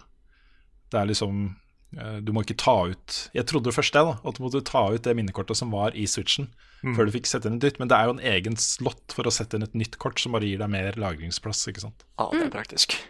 Ja, det er veldig praktisk. Ja, det er fint. Så det du kan gjøre da, er jo, og hvis det blir fullt også, kan du jo kjøpe et til. så har du jo, kan du bare bytte Jeg vet ikke om du kan bytte, forresten. Jeg tror hvis du setter inn et kort, så er, det det kortet du må bruke. Det er det, jeg lurer på om det var et eller annet som det sto der på installeringsprosessen av det kortet. Hmm. Men um, Så størst mulig kort, altså. størst mulig kort. Det blir jo, altså Den prisen går jo voldsomt opp. da Fra liksom 128 til 200 GB så er det en ganske kraftig pris opp. Og Mm. også til 256. Så um, jeg tror liksom 128 er et uh, sånn ideelt sted å legge seg, da. Og så har det kommet lanseringsdato for Days Gone, endelig. Det er 26. april. Ja. Ja. Jeg Det kom en lang sånn trailer også, med den announcementen. Om en uh, endelig spikra dato. Jeg klarer ikke å bli hypa for det spillet, altså. Jeg vet ikke om, hvordan det er med dere. Nei, jeg er jo zombie-fan, så jeg, er- jeg er jo litt spent. Ja. Mm. Det ser litt kult ut, for det er sånn herre det, det, det er veldig sånn World War C-opplegg. At det er så mange zombier at de, de, blir, som en, de blir en væske, ikke sant? Nesten. At det er sånn derre hive mind, og så mye ting skjer på skjermen samtidig, så jeg tror det kan bli litt kult. Mm. Ja, litt sånn force of nature, liksom. Mm. Mm. Ja, jeg, ehm, jeg venter fortsatt på den tingen som skal få meg Altså, den tingen som utmerker seg veldig da med akkurat det spillet. For det er jo det som er det største. Det at de zombiene er så mange, og så at de kommer i sånn klynge. Mm. Det er det som er det unike foreløpig. Men jeg vet ikke. Det er ikke noe med den storyen og den verden som appellerer til meg ennå. Jeg må se noe av det før jeg liksom blir hyped. Men jeg, jeg skal ikke dømme det før det er ute. Nei, det, det gjør jeg aldri heller. Men jeg må bare være ærlig og si at jeg har ikke sett noe fra det spillet som gjør at øh, wow. Nei. Og den Nei, er kjører rundt på motorsykkelen sin. I utgangspunktet så kunne jo det vært en sånn ting, da. Så bare Øy, jeg gleder meg skikkelig til å kjøre den motorsykkelen i disse store, åpne verdenene her og bare utforske ting og sånt. Men jeg fikk ikke den følelsen av det heller, liksom. Det var litt sånn rart. Og jeg er veldig Ja. negativ her, altså. Det kan hende at spillet er kjempebra. Mm. Ja, for det, det vet ikke jeg om det er åpen verden, eller om det er mer eh, regissert. Nei, De sier jo at det er en kjempestor verden, men om den er åpen, det vet jeg ikke. Nei, fordi jeg er så spent på de der små Hvis du kommer til sånne lukka områder, og det kommer den hæren med zombier der, ikke sant? Mm. Fordi jeg liker veldig godt den ideen med at hvis det liksom dukker opp fire-fem zombier på en gang, da har du liksom et problem, da. Og her dukker det opp sånn 1000. Ja. Så jeg tenker at det kan bli noen ganske stilige sekvenser av det, altså. Mm. Ja. Vi får se, da. 26. april. Kommer Ruen sin standup på DVD, eller? Jeg selger et guttenavn. Hva er det vesle karet sitt? Hvilket språk snakker Frida egentlig? Hvorfor er Mario rørlege? Vi har fått vi har fått så mye gode spørsmål denne gangen her at det er helt ekstremt. Liksom er nesten, jeg håper jeg er nesten litt for lang, men det er han jo aldri. Men vi tar og begynner med en gammel kjenning. Carl, hit me. Nå er det lenge siden. Ja. Ukens Sinfor. Venner via spill er aktuelt tema i disse dager, og jeg lurer derfor på om dere har knytta vennskap til folk fra andre land via online-spill, og som dere fremdeles har kontakt med i dag. Sjøl har jeg kontakt med flere personer jeg spilte WoW med i flere år. Yes, det var da Trond uh, Sinfor Borgersen. eh, back once again like a renegade master. Mhm. Det er litt morsomt. Jeg vet han sitter og lurer på hver, hver uke. Så prøver han å komme med et spørsmål som, uh, som er bra nok til å komme med her. Så nå uh, traff du skikkelig godt, eh, Trond. Endelig. Det gjorde du. Ikke endelig, altså han, han gjør ofte det. Ja, da, han gjør ofte det. Det er, bare, Det- det, er så utrolig mange mer- gode spørsmål som kommer hver uke Han har nå. fått Det, skarpere konkurranse enn i starten, hvor han var konsekvent ute med et godt spørsmål hver eneste uke, og det var jo da den ukens Sinfor-vignetten og tingene ble født, ikke sant? Ja. Mm. Nei, eh, jeg kan jo begynne her. Jeg har spilt veldig lite online-spill opp gjennom tida. Men jeg tar en eh, som likevel står meg nært. Og da er For eh, min kjære har en eh, del venner han har blitt kjent med gjennom Wow, blant annet. Og en av de møtte vi faktisk på da vi var i Nederland for noen år siden. Da var det planlagt at vi skulle møte han da. Jeg hadde vært mye på, eh, på Skype og Discord med han fyren her i tillegg, så jeg jeg følte jeg kjente han ganske godt, da. Eh, alltid så skummelt sånn shit, jeg skal møte en person som jeg aldri har sett før. Jeg vet han fins, jeg hørte han snakke. Eh, Petter hadde kjent han i mange år, så det var liksom ikke noe stress der, egentlig. Eh, men han møtte meg i, eh, i, i Nederland, kom og besøkte familien hans, og var egentlig superhyggelig. Han var faktisk og besøkte oss, han var med på The Gathering. Eh, og et eh, halvt år etterpå så kom han og besøkte oss i Trondheim, så det er faktisk eh, det var skikkelig, skikkelig hyggelig. Jeg er veldig sånn jeg, jeg tenkte liksom sånn, jeg skal ikke møte en random person fra internettgreier. Det høres litt sånn, sånn skummelt ut, men jeg hadde veldig god erfaring med det. Spesielt det var ikke en som jeg hadde måtte, blitt kjent med sånn egentlig direkte, men hyggelig fyr. Eh, så, så han vet jeg at eh, eh, Petter fortsatt har mye kontakt med, og jeg eh, skriver gratulerer med dagen til han når han har bursdag og litt sånne ting. Så det er i hvert fall, eh, i hvert fall noe. Mm. Ja. Jeg, jeg er heller ikke fremmed for internettvenner. Første, den aller første kjæresten min bodde i USA. Det var ikke så veldig praktisk. Men, eh, men jeg husker liksom den gangen vi reiste til USA, og jeg skulle møte henne for første gang. Da vi hadde vært sammen i liksom nesten et år. Det er, jeg tror aldri jeg har vært så nervøs som da. Men det gikk veldig bra. Jeg bodde sammen med, de, sammen med familien hennes i ti dager. Mm. Ja. Og det var liksom den fysiske delen av det forholdet. Det var de ti, dag, de ti dagene. Mm. Men eh, det, var, det er mange, mange mange år siden. Men nå er jeg jo en venninne i England som jeg treffer eh, kanskje en gang i året. I hvert fall i det siste så har vi, har vi hatt en bra streak. Mm. Det er alltid veldig koselig. Forrige gang, da jeg var i England nå i november, så eh, hun har jo begynt å blitt, hun har blitt sånn researcher i Cambridge. Så hun har tilgang til alle de liksom hemmelige, kule stedene på, på Cambridge. Blant annet det tårnet der hvor de har lagra en fysisk kopi av hver eneste bok som noen gang har blitt gitt ut i England. Oi. Så det var litt fett. Så jeg fikk, Nice. jeg, fikk jeg en guide gjennom sånne hemmelige steder i Cambridge. Nice. Det var stas. Ah, det er mye power. Det er mye power. Jeg har liksom bare tilgang til laboratorier og sånt. Det er sånn, ja, jeg har tilgang på utstyr og bruker utstyr til flere millioner kroner. Mm. Men jeg har ikke noe som er sånn så kult. Sånn allmennkult. Men du kan lage livsfarlige ting. Ja, kan da. Jeg har tilgang Det på kan en del ikke Sophie, ting. tror jeg.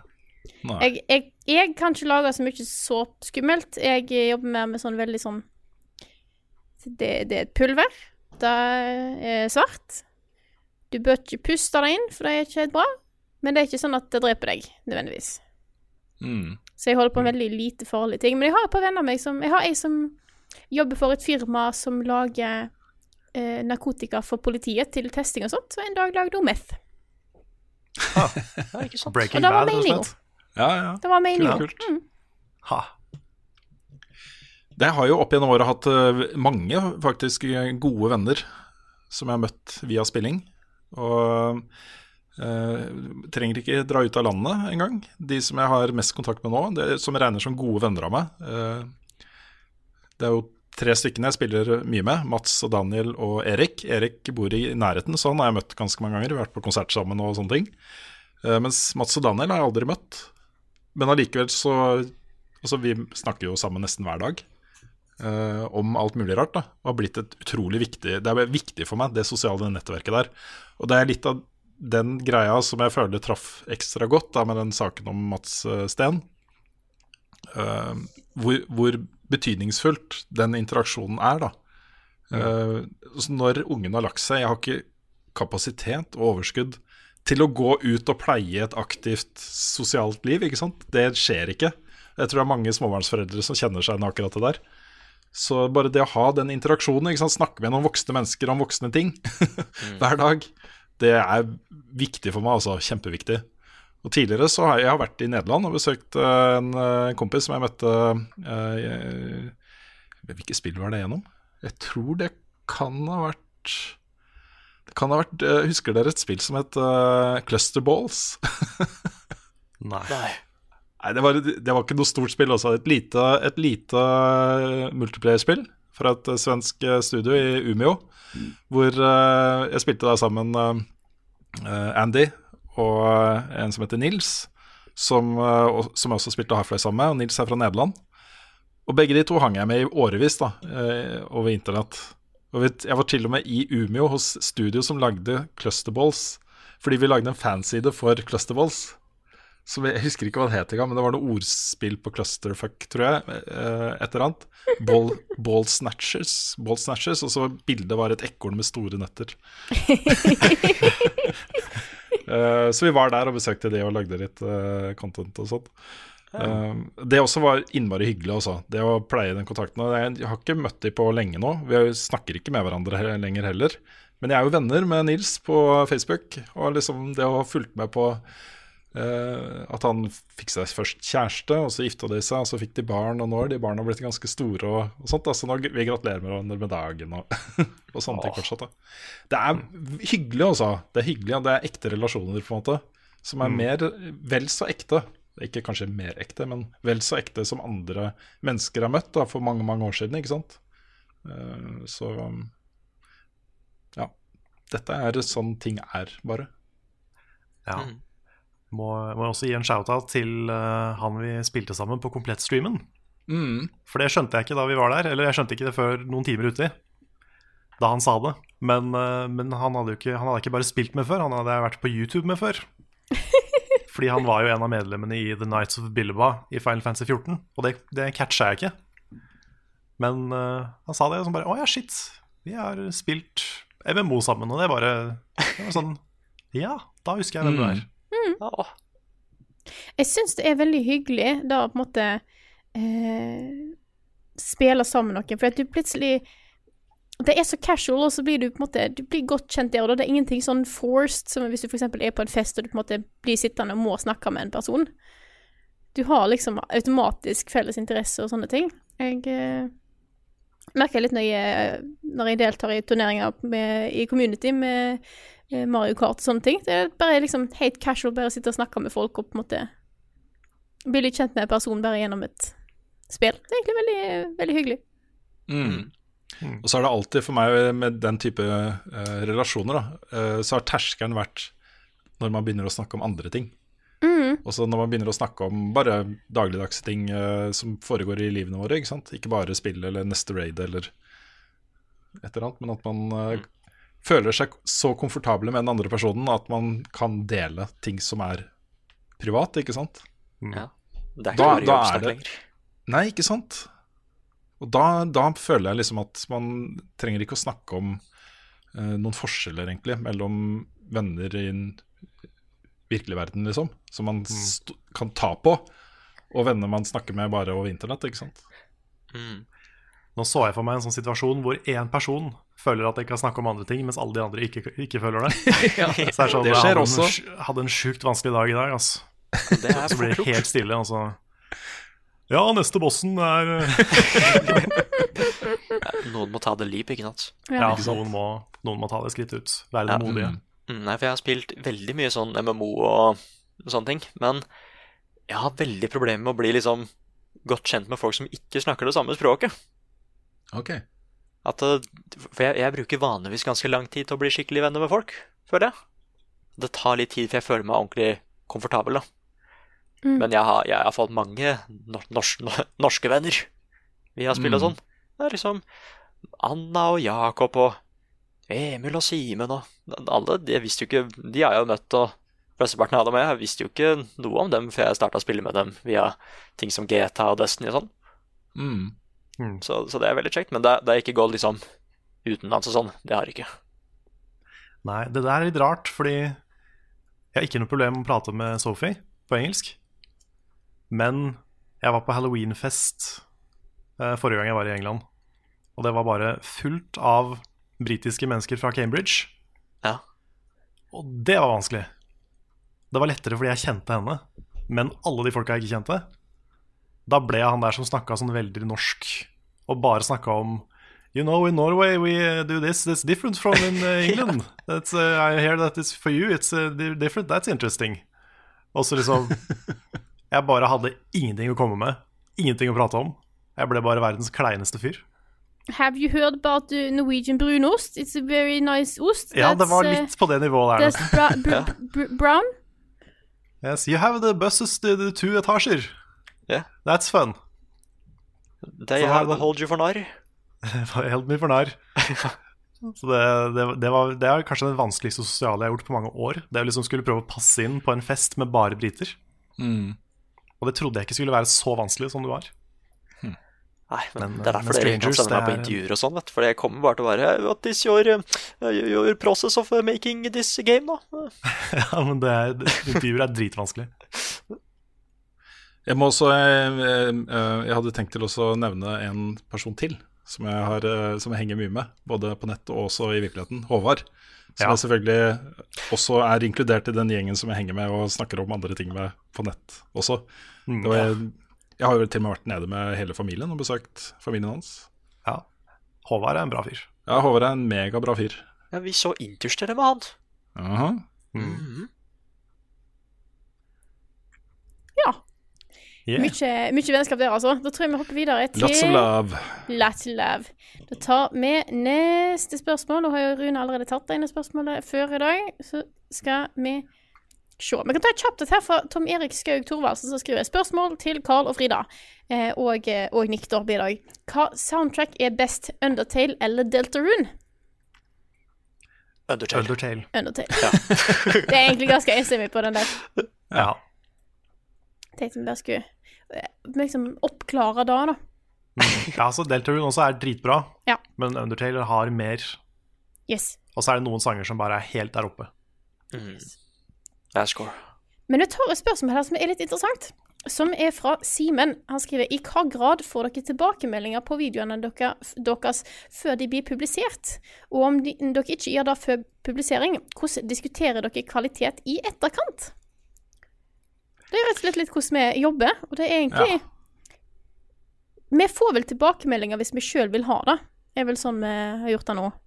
Ja, eller hvis noen tilbyr de uh, uten, uten å bli spurt om det også. Det skjer jo til. Men vi er jo, altså, jeg vil jo si vi er litt fokuserte på å bygge hverandre opp, mer enn å kritisere. Så, Ja. og, så syns jeg også at, eh, at um, det innholdet som produseres, da, er av veldig høy kvalitet. Så det er liksom sjelden jeg tenker at dette burde vært annerledes, eller dette burde vært annerledes. ikke sant? Jeg syns det er viktig å si ifra hvis jeg syns noe er veldig bra. Mm. Så jeg pleier alltid liksom Hvis, jeg, hvis noen har lagd en anmeldelse som er dritbra, så liker jeg jo på en måte si det. For da, jeg syns Mm. alltid det er en eh, credit when credits due og alt dette her. Mm. Og så er jo internett er jo sånn at man ofte At det ofte er motsatt. Ja. Man Ja. sjelden sier noe hvis man er fornøyd, men veldig ofte sier noe hvis man ikke er det. Mm. Det hender jo eh, ikke ofte, men av og til i hvert fall, at vi tar eh, diskusjoner på ting vi er usikre på i forkant. I Mm. eh, manusarbeidet, eller hvis man har et eller annet man lurer på å gjøre med video, om det funker eller ikke, osv. Det har jo uh, Du er ganske glad i det, Karl. Det å på en måte sende ting ut på høring. Du har gjort det flere Ja, ganger. Ja den, den drittspillvideoen min Den var jeg veldig usikker på. For det var sånn, Dette er sånn videoessay-type ting. Jeg vet ikke om de gir mening, eller om jeg bare snakker meg bort. Så da sendte jeg den til dere og bare er det, Henger det på greip, liksom? Mm, og så får du konstruktive tilbakemeldinger. Ja da. Det er veldig bra, det. Mm. Jeg pleier ofte Jeg- å kjøre Jeg bare fortsetter. Nei. Ja, nei, jeg pleier å kjøre den eh, eh, Som regel, hvis jeg som snakker om ting, så har jeg kontroll på at ja, dette her er greit.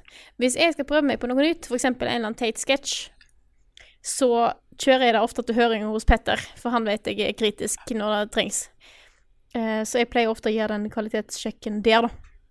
Hvis Mm. han syns det er gøy, så er det sånn ja, OK, da, da er det ikke bare meg og mitt rare hode som syns dette her er festlig. Mm. Ellers så um, Jeg husker liksom da Da mange var nye, altså både da jeg var ny, og da liksom eh, du, Nick, du, Frida Svendsen var nye, da er det ofte mer tilbakemelding enn en seinere. Ja, det er riktig. Så det er sånn i starten, når man prøver å finne sin egen liksom, stil og sin egen stemme, så blir det jo mye mer prating rundt det. Mens nå har liksom alle sin stil, og det er ikke sånn at jeg Jeg er ikke nervøs for at noe noen lager ikke skal være bra. Nei, Nei, og så er vi Og så er vi eh, av natur, tror jeg, litt sånn våre egne verste kritikere. Altså, vi er ganske øh, nådeløse mot oss selv, da. Eller ikke nåde... jeg- Det er ikke en negativ ting. Eh, men det er ofte jeg ser ting jeg har lagd selv som jeg vet at ok, dette kunne jeg gjort bedre, og dette kunne jeg gjort bedre, og, og sånt. Og gjøre en sånn prosess på det selv, da. Og forhåpentligvis lære litt til neste gang. Kanskje noen ganger, jeg vet ikke. um, men det er, jeg, jeg tror ikke det er noen av oss som uh, har uh, en sånn trang til å gå inn i sånne negative sirkler på det. Det er mer en sånn konstruktiv ting, da. Det er litt interessant, fordi det var en, en eldre video av Eller en av de eldre videoene mine dukka faktisk opp i community nå nettopp. Noen som spurte til litt hjelp i City Skylines, og min eh, nybegynnerguide i City Skylines ble lagt til. Jeg tenkte OK, denne ble lagd sommeren eh, et halvt år inn i indie-tilværelsen, så et år etter jeg starta. Jeg tenkte bare sånn OK, hvor var jeg for to og et halvt år siden? Og jeg var litt sånn Shit! Jeg var jeg jeg fornøyd med meg sjøl. Det var faktisk ikke det verste å gå tilbake til. Jeg var bare sånn Å, jeg sa da, da var lurt. Da vet ikke om jeg hadde huska på å ha sagt noe, liksom. Så jeg var ganske skikkelig fornøyd med meg sjøl der jeg satt og så på meg sjøl eh, for to og et halvt år siden. Jeg syns jeg hørtes yngre ut. Det var det eneste jeg liksom merka. Ellers så var jeg eh, fornøyd. Det var litt, eh, det var litt hyggelig, egentlig. Ja, det er bra. Så lenge, det så lenge det bikker over til 'jeg var bedre før'. Nei, det, det var ikke sånn ment. Det var mer at jeg, jeg, liksom, jeg var forberedt på at det skulle være verre. Mm. Mm. Ja, fordi jeg, jeg ser på mine eldre videoer og sånn. Bare et år tilbake. Ah, I hate it. I hate it. Ja, For du, kan, sånn. du, du, du hører så godt på at eh, nå liker jeg best å skrive manuset til spillet når jeg skal anmelde det, ikke sant? Men det var jo ikke sånn før. Og jeg merker det så godt. At det bare Ja, men du snakker for fort. Du har sagt det her før. Men bare snakker du, liksom? Hæ? Du skrev ikke manus før, eller? Jo, jeg, jeg skrev manus, men jeg likte ikke den Jeg likte ikke Ah. den delen av jobben. Ah, For det, sånn, fordi jeg syns det var så dritvanskelig å liksom sette ord på det jeg tenkte, ikke sant? Mm. Og jeg føler at etter å ha skrevet så mye som jeg har nå, så har jeg Jeg liker den delen veldig godt nå. Nå har jeg mye mer kontroll på det, mens på de andre så Jeg, jeg var veldig flink til å recappe det jeg hadde snakka om og sånt. Det Nei, for en noob, ass. Nei, jeg tror jeg eh, sjekker om dere har noen spørsmål på lur, jeg. Ja, det gjør jeg. Kan jeg, ja, kan jeg få ta et fra en jeg snakket om tidligere, Erik Nyberg Skilland, som er en av de Ja. jeg spiller masse med?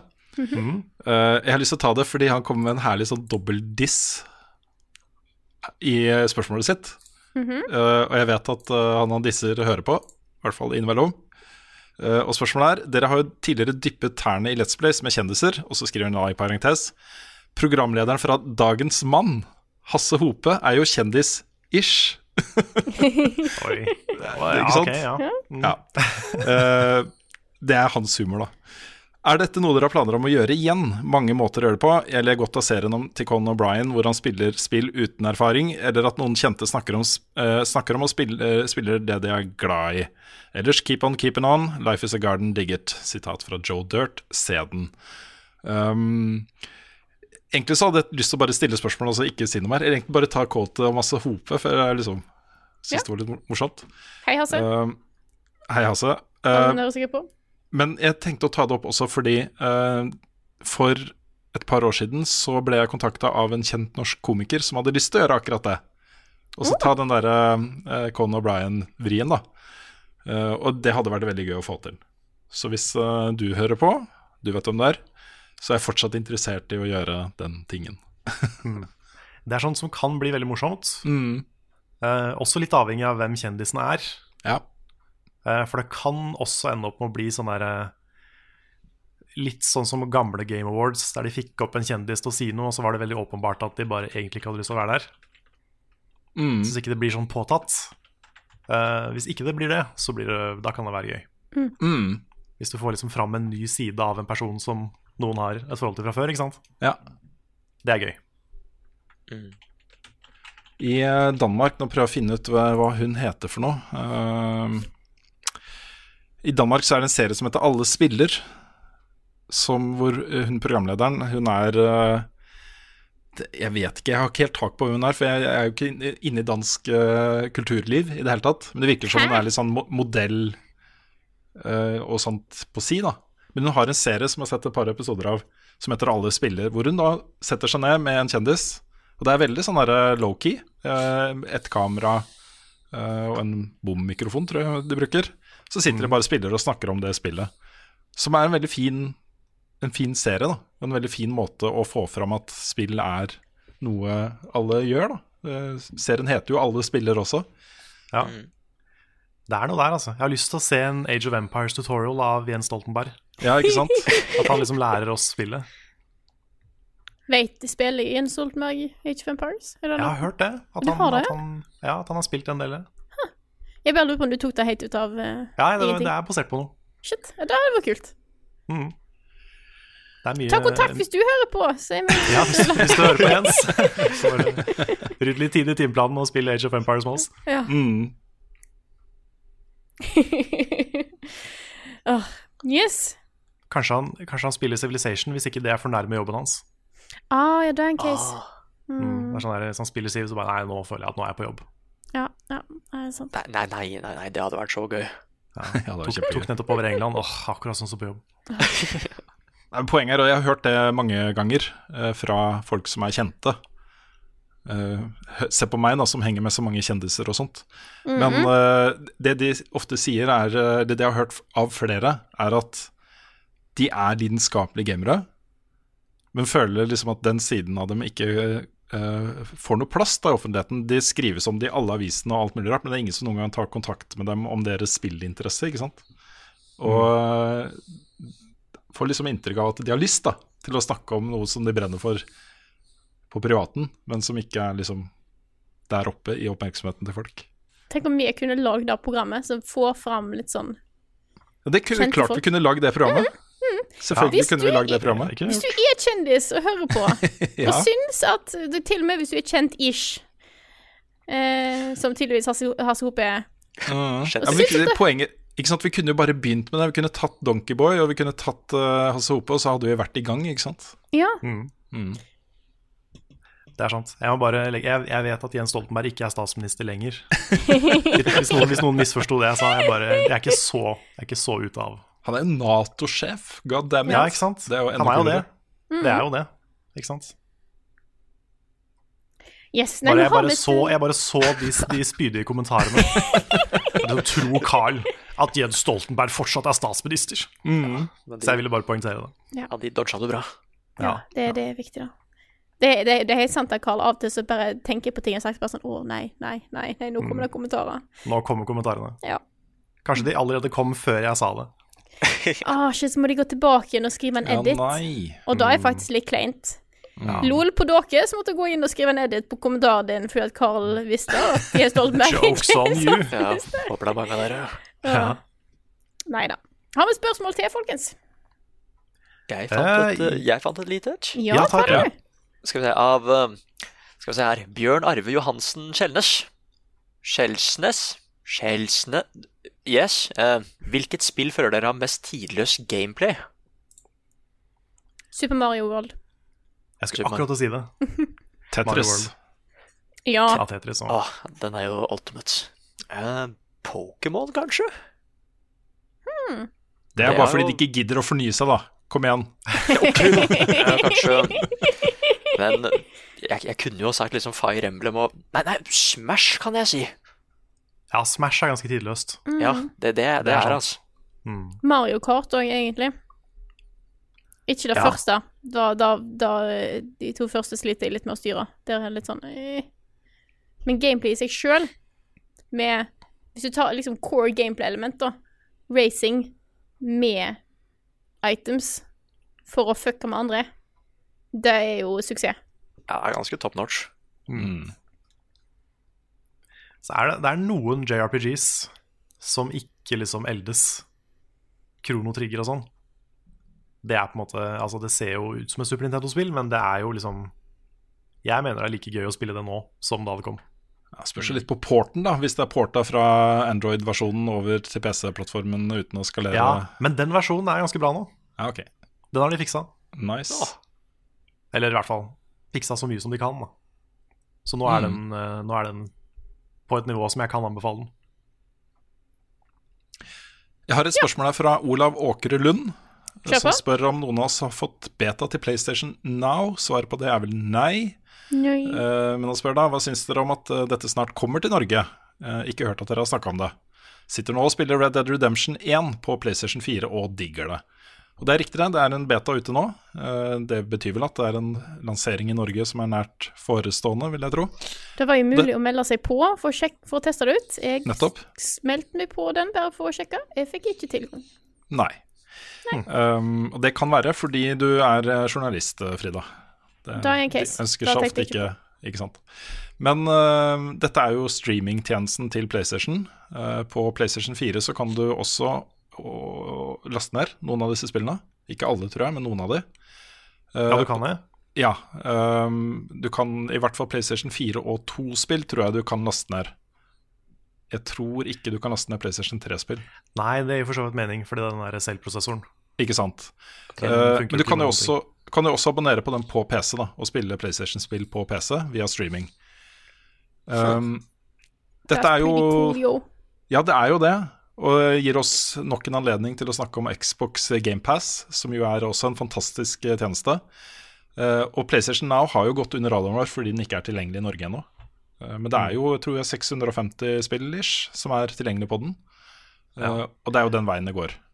Mm. Ja, så var PlayStation Now var veldig dyrt Ja. også i starten, og funka ganske dårlig. Ikke sant? Det kombo. Så det var en, det var en flopp da det kom, men jeg tror det, altså, det høres ut som da, at det har blitt mye bedre. Mm. Men jeg så en interessant Twitter-tråd, nå husker jeg ikke hvem som skrev den, men det var da en som driver et indie publishing-hus, som hadde en lang rant på Twitter uh, om disse modellene, hvor uh, uh, han skrev da at han jevnlig ble kontakta av abonnementsplattformer, hvor folk liksom subscriba og betalte et månedlig beløp, hvor prismodellen var ingen penger up front, og du fikk da betalt for antall timer spilt. Det han skrev, var at dette betyr hvis, hvis dette vinner, hvis det bare blir den type modeller igjen, så dreper det indieindustrien. For da kommer ingen indiespill, eller i hvert fall de fleste indiespill, ikke til å ha råd og så tjene nok penger på spillene sine. For sånn som det er i dag, så får de jo da, hvis noen kjøper et spill for 100 kroner, så får da, hvis det er på Epic Game Store, så får de 88 av dem. Um, og det er, eh, sånn funker ikke streamingplattformen. Det er det samme som skjedde med musikk, ikke sant? Hvor eh, plutselig så satt massevis av artister, og hvor er penga mine? De, de er jo ikke der lenger. Det er jo bare kroner og øre du får utbetalt for antall streams på Spotify, ikke sant? Så det er en utvikling som, eh, som det kan være verdt å følge litt med på. Da. Jeg vet ikke helt hvordan man skal løse det problemet, for jeg vil gjerne ha subscription services. Jeg syns det er deilig. Men eh, ikke på bekostning av å drepe indie-industrien, på en måte. Nei, Nei det, blir sånn, det blir litt sånn som YouTube. At uh, hver algoritme har liksom ulemper for en gruppe. da Mm. Sånn YouTube var jo veldig på uh, Minutes Watched lenge, som er litt det Mm. samme. Og det drepte jo all animasjon på YouTube, ikke sant? for det tar så lang tid per minutt. Mm. Så det er litt samme problemstilling. Ja, for det burde jo heller Jeg vet ikke, det burde Nå snakker jeg om ting jeg ikke har greie på. Men eh, burde det ikke være sånn da at hvis du en måned spiller tre spill, så deles den måneds på en måte avgiften din da på de spillene, eller? Jeg vet ikke. Fordi de store gidder jo ikke være der hvis ikke de tjener masse penger, ikke sant. Hvis ikke de store er der, så gidder ingen å bruke plattformen din, og så Ja. Hmm. Ja, du har jo rett i det. Det er vel litt sånn YouTube premium-ting funker. Går Mhm. ikke litt av pengene dine da til det du ser på? Ja, jeg tror det. Jo. Jeg tror det er sånn at hvis du ser på med YouTube Premium, så tjener de du ser på, mer enn hvis de ser på reklamen. Ikke Ja. sant? Mm. Så det er sånn sett bra for de du ser på. Jeg gir YouTube premium. Jeg gir penger til det jeg ser på. Nice. All right. Jeg har tenkt å bli det. Jeg er så lei av reklamen. Mm. Jeg får, eh, får jeg eh, Google Play Music i tillegg. Det er ganske sweet. Så vet Kan dere jeg, ta da spørsmål, eh, kan jeg ta et spørsmål her? Ja, kjør på. Fra Christian Volstad. Han spør til Carl. Dere snakka så mye om den benkscenen i Red Dead Redemption 2 før du hadde kommet så langt. Men etter du runda spillet, så har jeg ikke hørt du fikk den scenen eller ikke. Hva syns du eventuelt? Jeg er helt enig med Nick. Det er den beste scenen i spillet. Ja, det er fantastisk. Det var, eh, Den er helt fantastisk. Ja. Det var det øyeblikket som gjorde meg mest glad i Arthur Morgan. Mm. Ja, nei, den er eh, Den er noe. Ah, Jeg husker jeg fikk så panikk, for jeg trodde du hadde hoppa over den et lite øyeblikk. Ja. Fordi det, du, du må gjøre disse stranger missions her, ikke sant? Ja, ja, ja. Og bare fant jeg ut at faen, det er jo ett til. Det er jo ett til. Å nei. Å nei. Så da, men men Ja, fordi- du avklarte veldig fort hva det var. At du hadde, du hadde gjort alt. Mm. Men det er jo to benkscener, og du får den ene hvis du ikke gjør det, ikke sant? Mm. Men det er da den beste benkscenen. Den med, den med nonna. Ja, for den andre benkscenen, den De er inne på noe av det samme, men uh, det skjer en spesiell ting i den beste scenen. Mm. Jeg kan ikke si hva det er. Nei, det kan du ikke. Nei, du kan ikke si hva det, det er vanskelig. Den ekstra lille scenen som skjer i den beste benkscenen, den er ikke i den dårlige benkscenen. Den er, vet. Mm. Sant. Jeg har et spørsmål til. Ja, jeg også Ja. et, kan, jeg, kan jeg ta mitt? Fordi nå hadde vi Red Dead Redemption uh, mention i forrige spørsmål, og i dette spørsmålet. Og så okay. er det et til som jeg har bare lyst til å ta. Ja, vi må bare snart begynne å runde av, tror jeg. Jeg Ja. tror den begynner å bli litt lang, den der. Ja, men det, ja. Eh, det er fra han. Hans Helgesen Ringstad eh, som spør hvis det noen gang kommer en Red Dead Redemption 3, hvilken tid ville det vært i forhold til de andre spillene? Ville det blitt en ny prequel eller en sequel? Og skulle det være de samme karakterene eller noen nye? Og jeg syns spørsmålet er godt. Jeg går jo nå og venter på en også nyheten om at eh, Red Dead Redemption 1 eh, kommer på nytt i nye engine. Det, ja, det gjør det sikkert. Men jeg tror at hvis det kommer et Red Dead Redemption 3, så går de bakover i tid.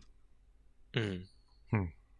Det det føles egentlig med beslutningen om at Red Dead Redemption 2 gikk bakover i tid, tror jeg på en måte er foranledningen til det. Fordi jeg tror Rockstar selv følte at de konkluderte historien i Red Dead Redemption 1. Og at øh, nå har vi blitt kjent med Arthur Morgan, ikke sant? Mm. Hvordan var han som ung? Og hvordan var uh, Dutch Vandelin som ung? Ikke sant? Ja, sånn, ja. ja at, det er, at du spiller som en ung Dutch og Arthur. Yes. Hmm. Ja, pluss at det, det skal jo være et westernspill, og det er jo ikke det lenger nå. I, ja, I hvert fall i Red Dead 1. Nei, da blir det plutselig Red Dead første verdenskrig og sånne Ja, men det er jo helt sant. Det er, det er mye av grunnen til det også, fordi uh, den sluttsekvensen i Red Dead Redemption 1, da er det jo gått inn i siviliserte alderen, ikke sant? Mm. Det er sant. Mm. Ok, skal jeg ta mitt? Do it. Do it. Det er fra, fra Simen igjen. Han, har, han fikk besvart to spørsmål den podcasten her. Wow.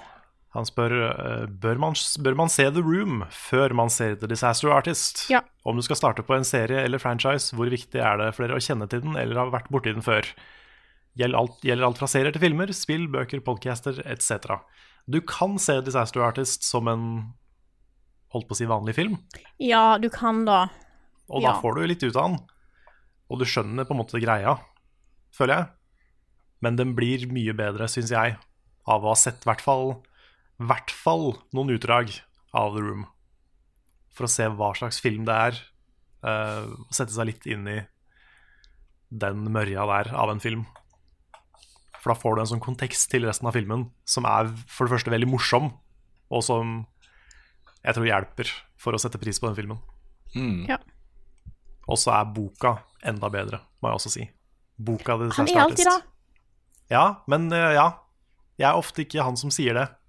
Men akkurat her så er det, det er så mye morsomt. Og også så mye rart og litt ekkelt i den boka, som ikke er med i filmen. Mm. Så alle som liker eh, enten The Room eller Disaster Artist, anbefaler å lese boka. Men ja, resten av spørsmålet. Hvor viktig er det for oss å kjenne til eh, og ha vært borti noe før, før vi hopper inn i noe nytt? Hmm. Oh, det er et vanskelig spørsmål. Det er så Da situasjonsbasert, altså. Hei, ja, det. spørs helt hvordan serien er, egentlig. Da å hoppe inn i en serie som f.eks. God of War, uten å ha spilt alle de andre spillene, men kanskje vite litt hva som har skjedd, Mm. tror jeg, det var jo ikke et problem. Jeg tror for meg å hoppe rett inn i Kingdom Hearts 3 hadde vært litt mer stress. Ja, jeg er litt Jeg er litt nysgjerrig på åssen det hadde vært for deg. Ja. Det hadde vært veldig kult å høre hvordan det var. Fordi det er mye der som du kan følge helt fint. Det er bare main story-delen, som ikke er en så stor del av spillet, men som er der. Det er den som er vanskelig.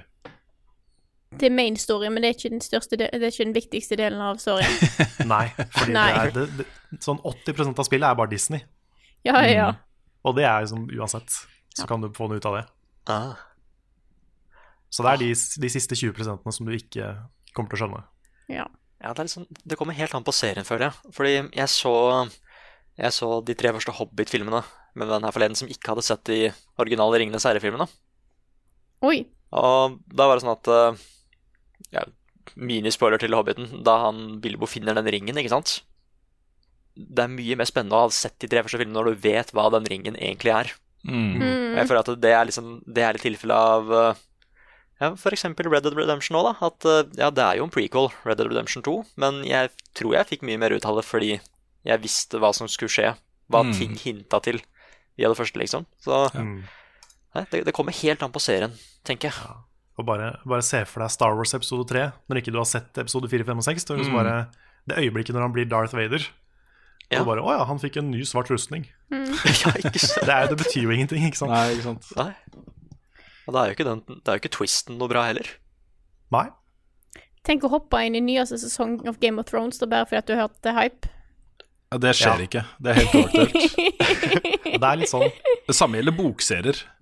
Ja. Hvis jeg, jeg kan ikke lese en bok som liksom er et stykke Selv når det er separate historier. Det er mange bokserier jeg har lest alle bøkene i, som uh, det hadde vært uaktuelt for meg uh, å begynne et sted uti der og så bare lese det i sånn hulter til bulter. Jeg blir sånn, nesten litt sånn Får litt angst for å hoppe over en bok i en serie som jeg er glad i. mm. Jeg, jeg, jeg tror jeg er ganske sånn som prøver å få med meg alt når jeg først skal begynne. Mm. Sånn som Metal Gear. Mm. Når Jeg begynte jo på treeren fordi Rune eh, valgte det. Men etter det så gikk jeg tilbake og så eh, Jeg spilte noen av spillene, og så liksom alle cutscenes fra andre spill. Mm. Og da gjorde jeg research på forhånd. liksom bare, Ok, hva burde jeg se, hva burde jeg spille, hvilken rekkefølge? Og så gjorde jeg det. Ja. Så jeg er litt sånn. Jeg liker å få med meg alt når jeg først skal gjøre det. Jeg er enig. Mm. Det er veldig interessant i- hjemme hos oss, fordi at jeg begynner ofte på eh, Jeg sier, sier at det har kommet en ny serie, jeg vil se den. Og så sier Petter at det er ikke så viktig for han. Så begynner jeg å se den, så innser Petter midt i at den er veldig spennende, og blir med. Fra midten. Ja, nettopp. For han, han syns det er Jeg tror han syns det er gøy å liksom prøve å finne ut hva er det som har skjedd, hvorfor eh, Jeg, jeg vet at han på en måte av og til syns det er gøy å bare hoppe midt inn i en film òg, bare for å finne ut OK, hva er det egentlig som har skjedd her, på en måte. Litt sånn detektivgreie. Det syns jeg er veldig interessant, for jeg er stikk motsatt. Så jeg har, Ja. har sett så mange serier der jeg har sett første halvdel. Og gir han et kort recap med en gang det kommer en ny karakter. Bare sånn, ja, stemmer, eh, eh, hun drepte han. Og så måtte jeg fortsette med, liksom. Så det er litt eh, Det er litt interessant. For jeg er sånn, jeg må gå inn all in, liksom. Ja, ja Pappa er sånn som, ser, som kan begynne å se en film halvveis uti.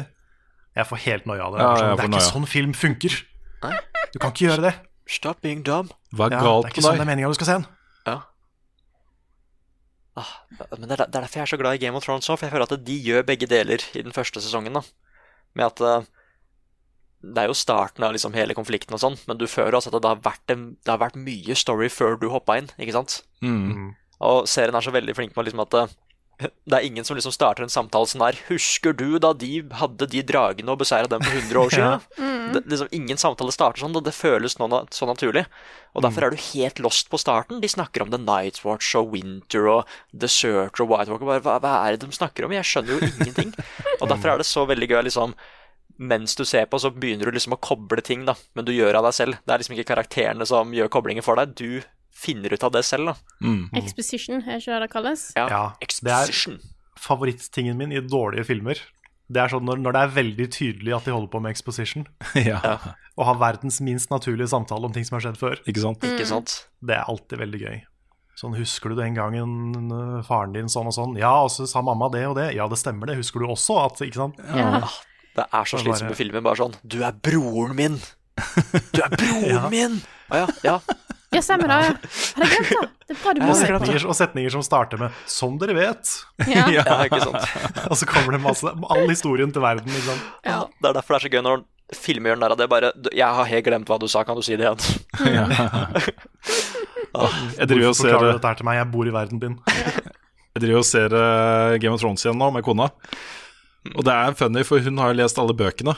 Så hun setter jo stadig vekk på pause og sier at du, den rollefiguren der, det er jo egentlig en sammensatt rollefigur av den og den, som er sånn og sånn. Og det, det, det som skjer nå, da, det skjer ikke i boka.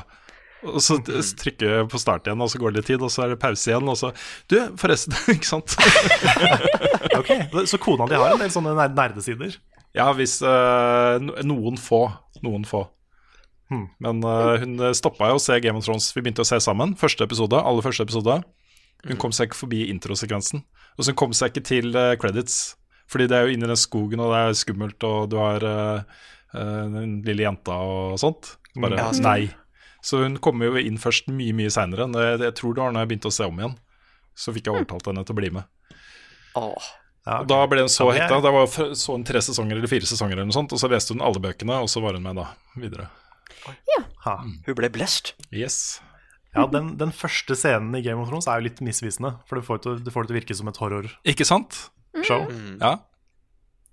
Ah, men det er det som er så kult, for bare Ja, men hva var det der? Ja, Ja, De snakker jo ikke om det det. Hva var det der? Nei, vi får ikke vite det før mye seinere heller. Ja, ikke sant? Altså, du har det bare i bakhuet hele tiden. Ja. I love it. Vi kan gå runde av nå, altså. Ja, jeg tror Ja. nesten det, fordi at jeg har eh, allerede en gang i løpet av podkasten utvida reservasjonen av rommet, sånn at ikke noen kommer inn og ødelegger for oss. Eh, så jeg tror det er på tide, jeg. Jeg har ingen anelse om hvor lang den er. Dette er herlig. Eller I like it. Eh, så, Sånn er det. Ja, så jeg tror vi nok en gang nevner sånn shameless plug her. Fredag 15. februar. Tre års livestream. Tre års jubileums livestream. Ja, Vi skal ikke streame i tre år. Nei. da blir det Kanskje en dag. Ja, det blir ikke enkelt, men Nei, det er Ja. Jubileums-livestream. Seks timer. Begynner klokka fem. 17.00, forhåpentligvis. Men det er ett minutt over, sånn at det ikke blir altfor sint på oss. Men i hvert fall fredag 15. februar klokka 17.00 til 23.00. Eh, det blir meg, det blir Karl, det blir Rune, det blir Nick, og det blir Bjørn, og det blir kos. Ja, Kommer med tror jeg sånn endelig program eh, skal begynne å tease det litt eh, til uka. Det blir spill, det blir duell, det blir duellstraff. Og det blir Mhm. kos. Ja. Så er det òg eh, Rune og Karl skal på Hordaland. Det blir Yes. helga etterpå. Mhm. Og et par uker etter det igjen så skal vi ha livepodkast i Tønsberg. Så det er Mm. masse, masse ting å glede seg til. Hvis dere har lyst til å se oss live, enten i in person eller på Twitch, eller in person. Da to av de var in person innså jeg nå. Ja, jeg bare Så- nevner, Jeg har fått en del spørsmål om når vi er på Hordaland. Og eh, det, mest, det safeste tidsrommet blir da lørdag 23. Mellom sånn ca. 1-2 og 5-6. Innen, innenfor der en gang. Riktig. Mm. Ish. Ja. Så så Rett Morgen òg en stor, stor takk til alle dere som støtter oss på Ja, jeg, det var rett setning, ja. Alle dere som støtter oss på Patrion. Dere gjør at vi har nå kunnet klart å si snart tre år. Det er fantastisk. Wow. Så vi er så ekstremt takknemlige for, eh, for at dere er der for oss og eh, hjelper oss på denne reisa her. Og hvis du syns at eh, det vi gjør er verdt en liten krone, eller litt flere, så er det bare å gå inn på patrionen vår, Level Up Nord. Det er det den heter, ikke? Nei, Norge. Mm. Norge Level Up Norge på Patreon. på Patreon og støtter med det du syns at du, at du kan. Ja. Hvis du vil. Ja. Helt frivillig. Men det er alltid kos. Og med det så tror jeg egentlig at jeg skal prøve å runde av her. Tusen takk for, eh, for oss. Takk for at du hørte på denne episoden her av Level Backup. Og så snakkes vi igjen neste uke.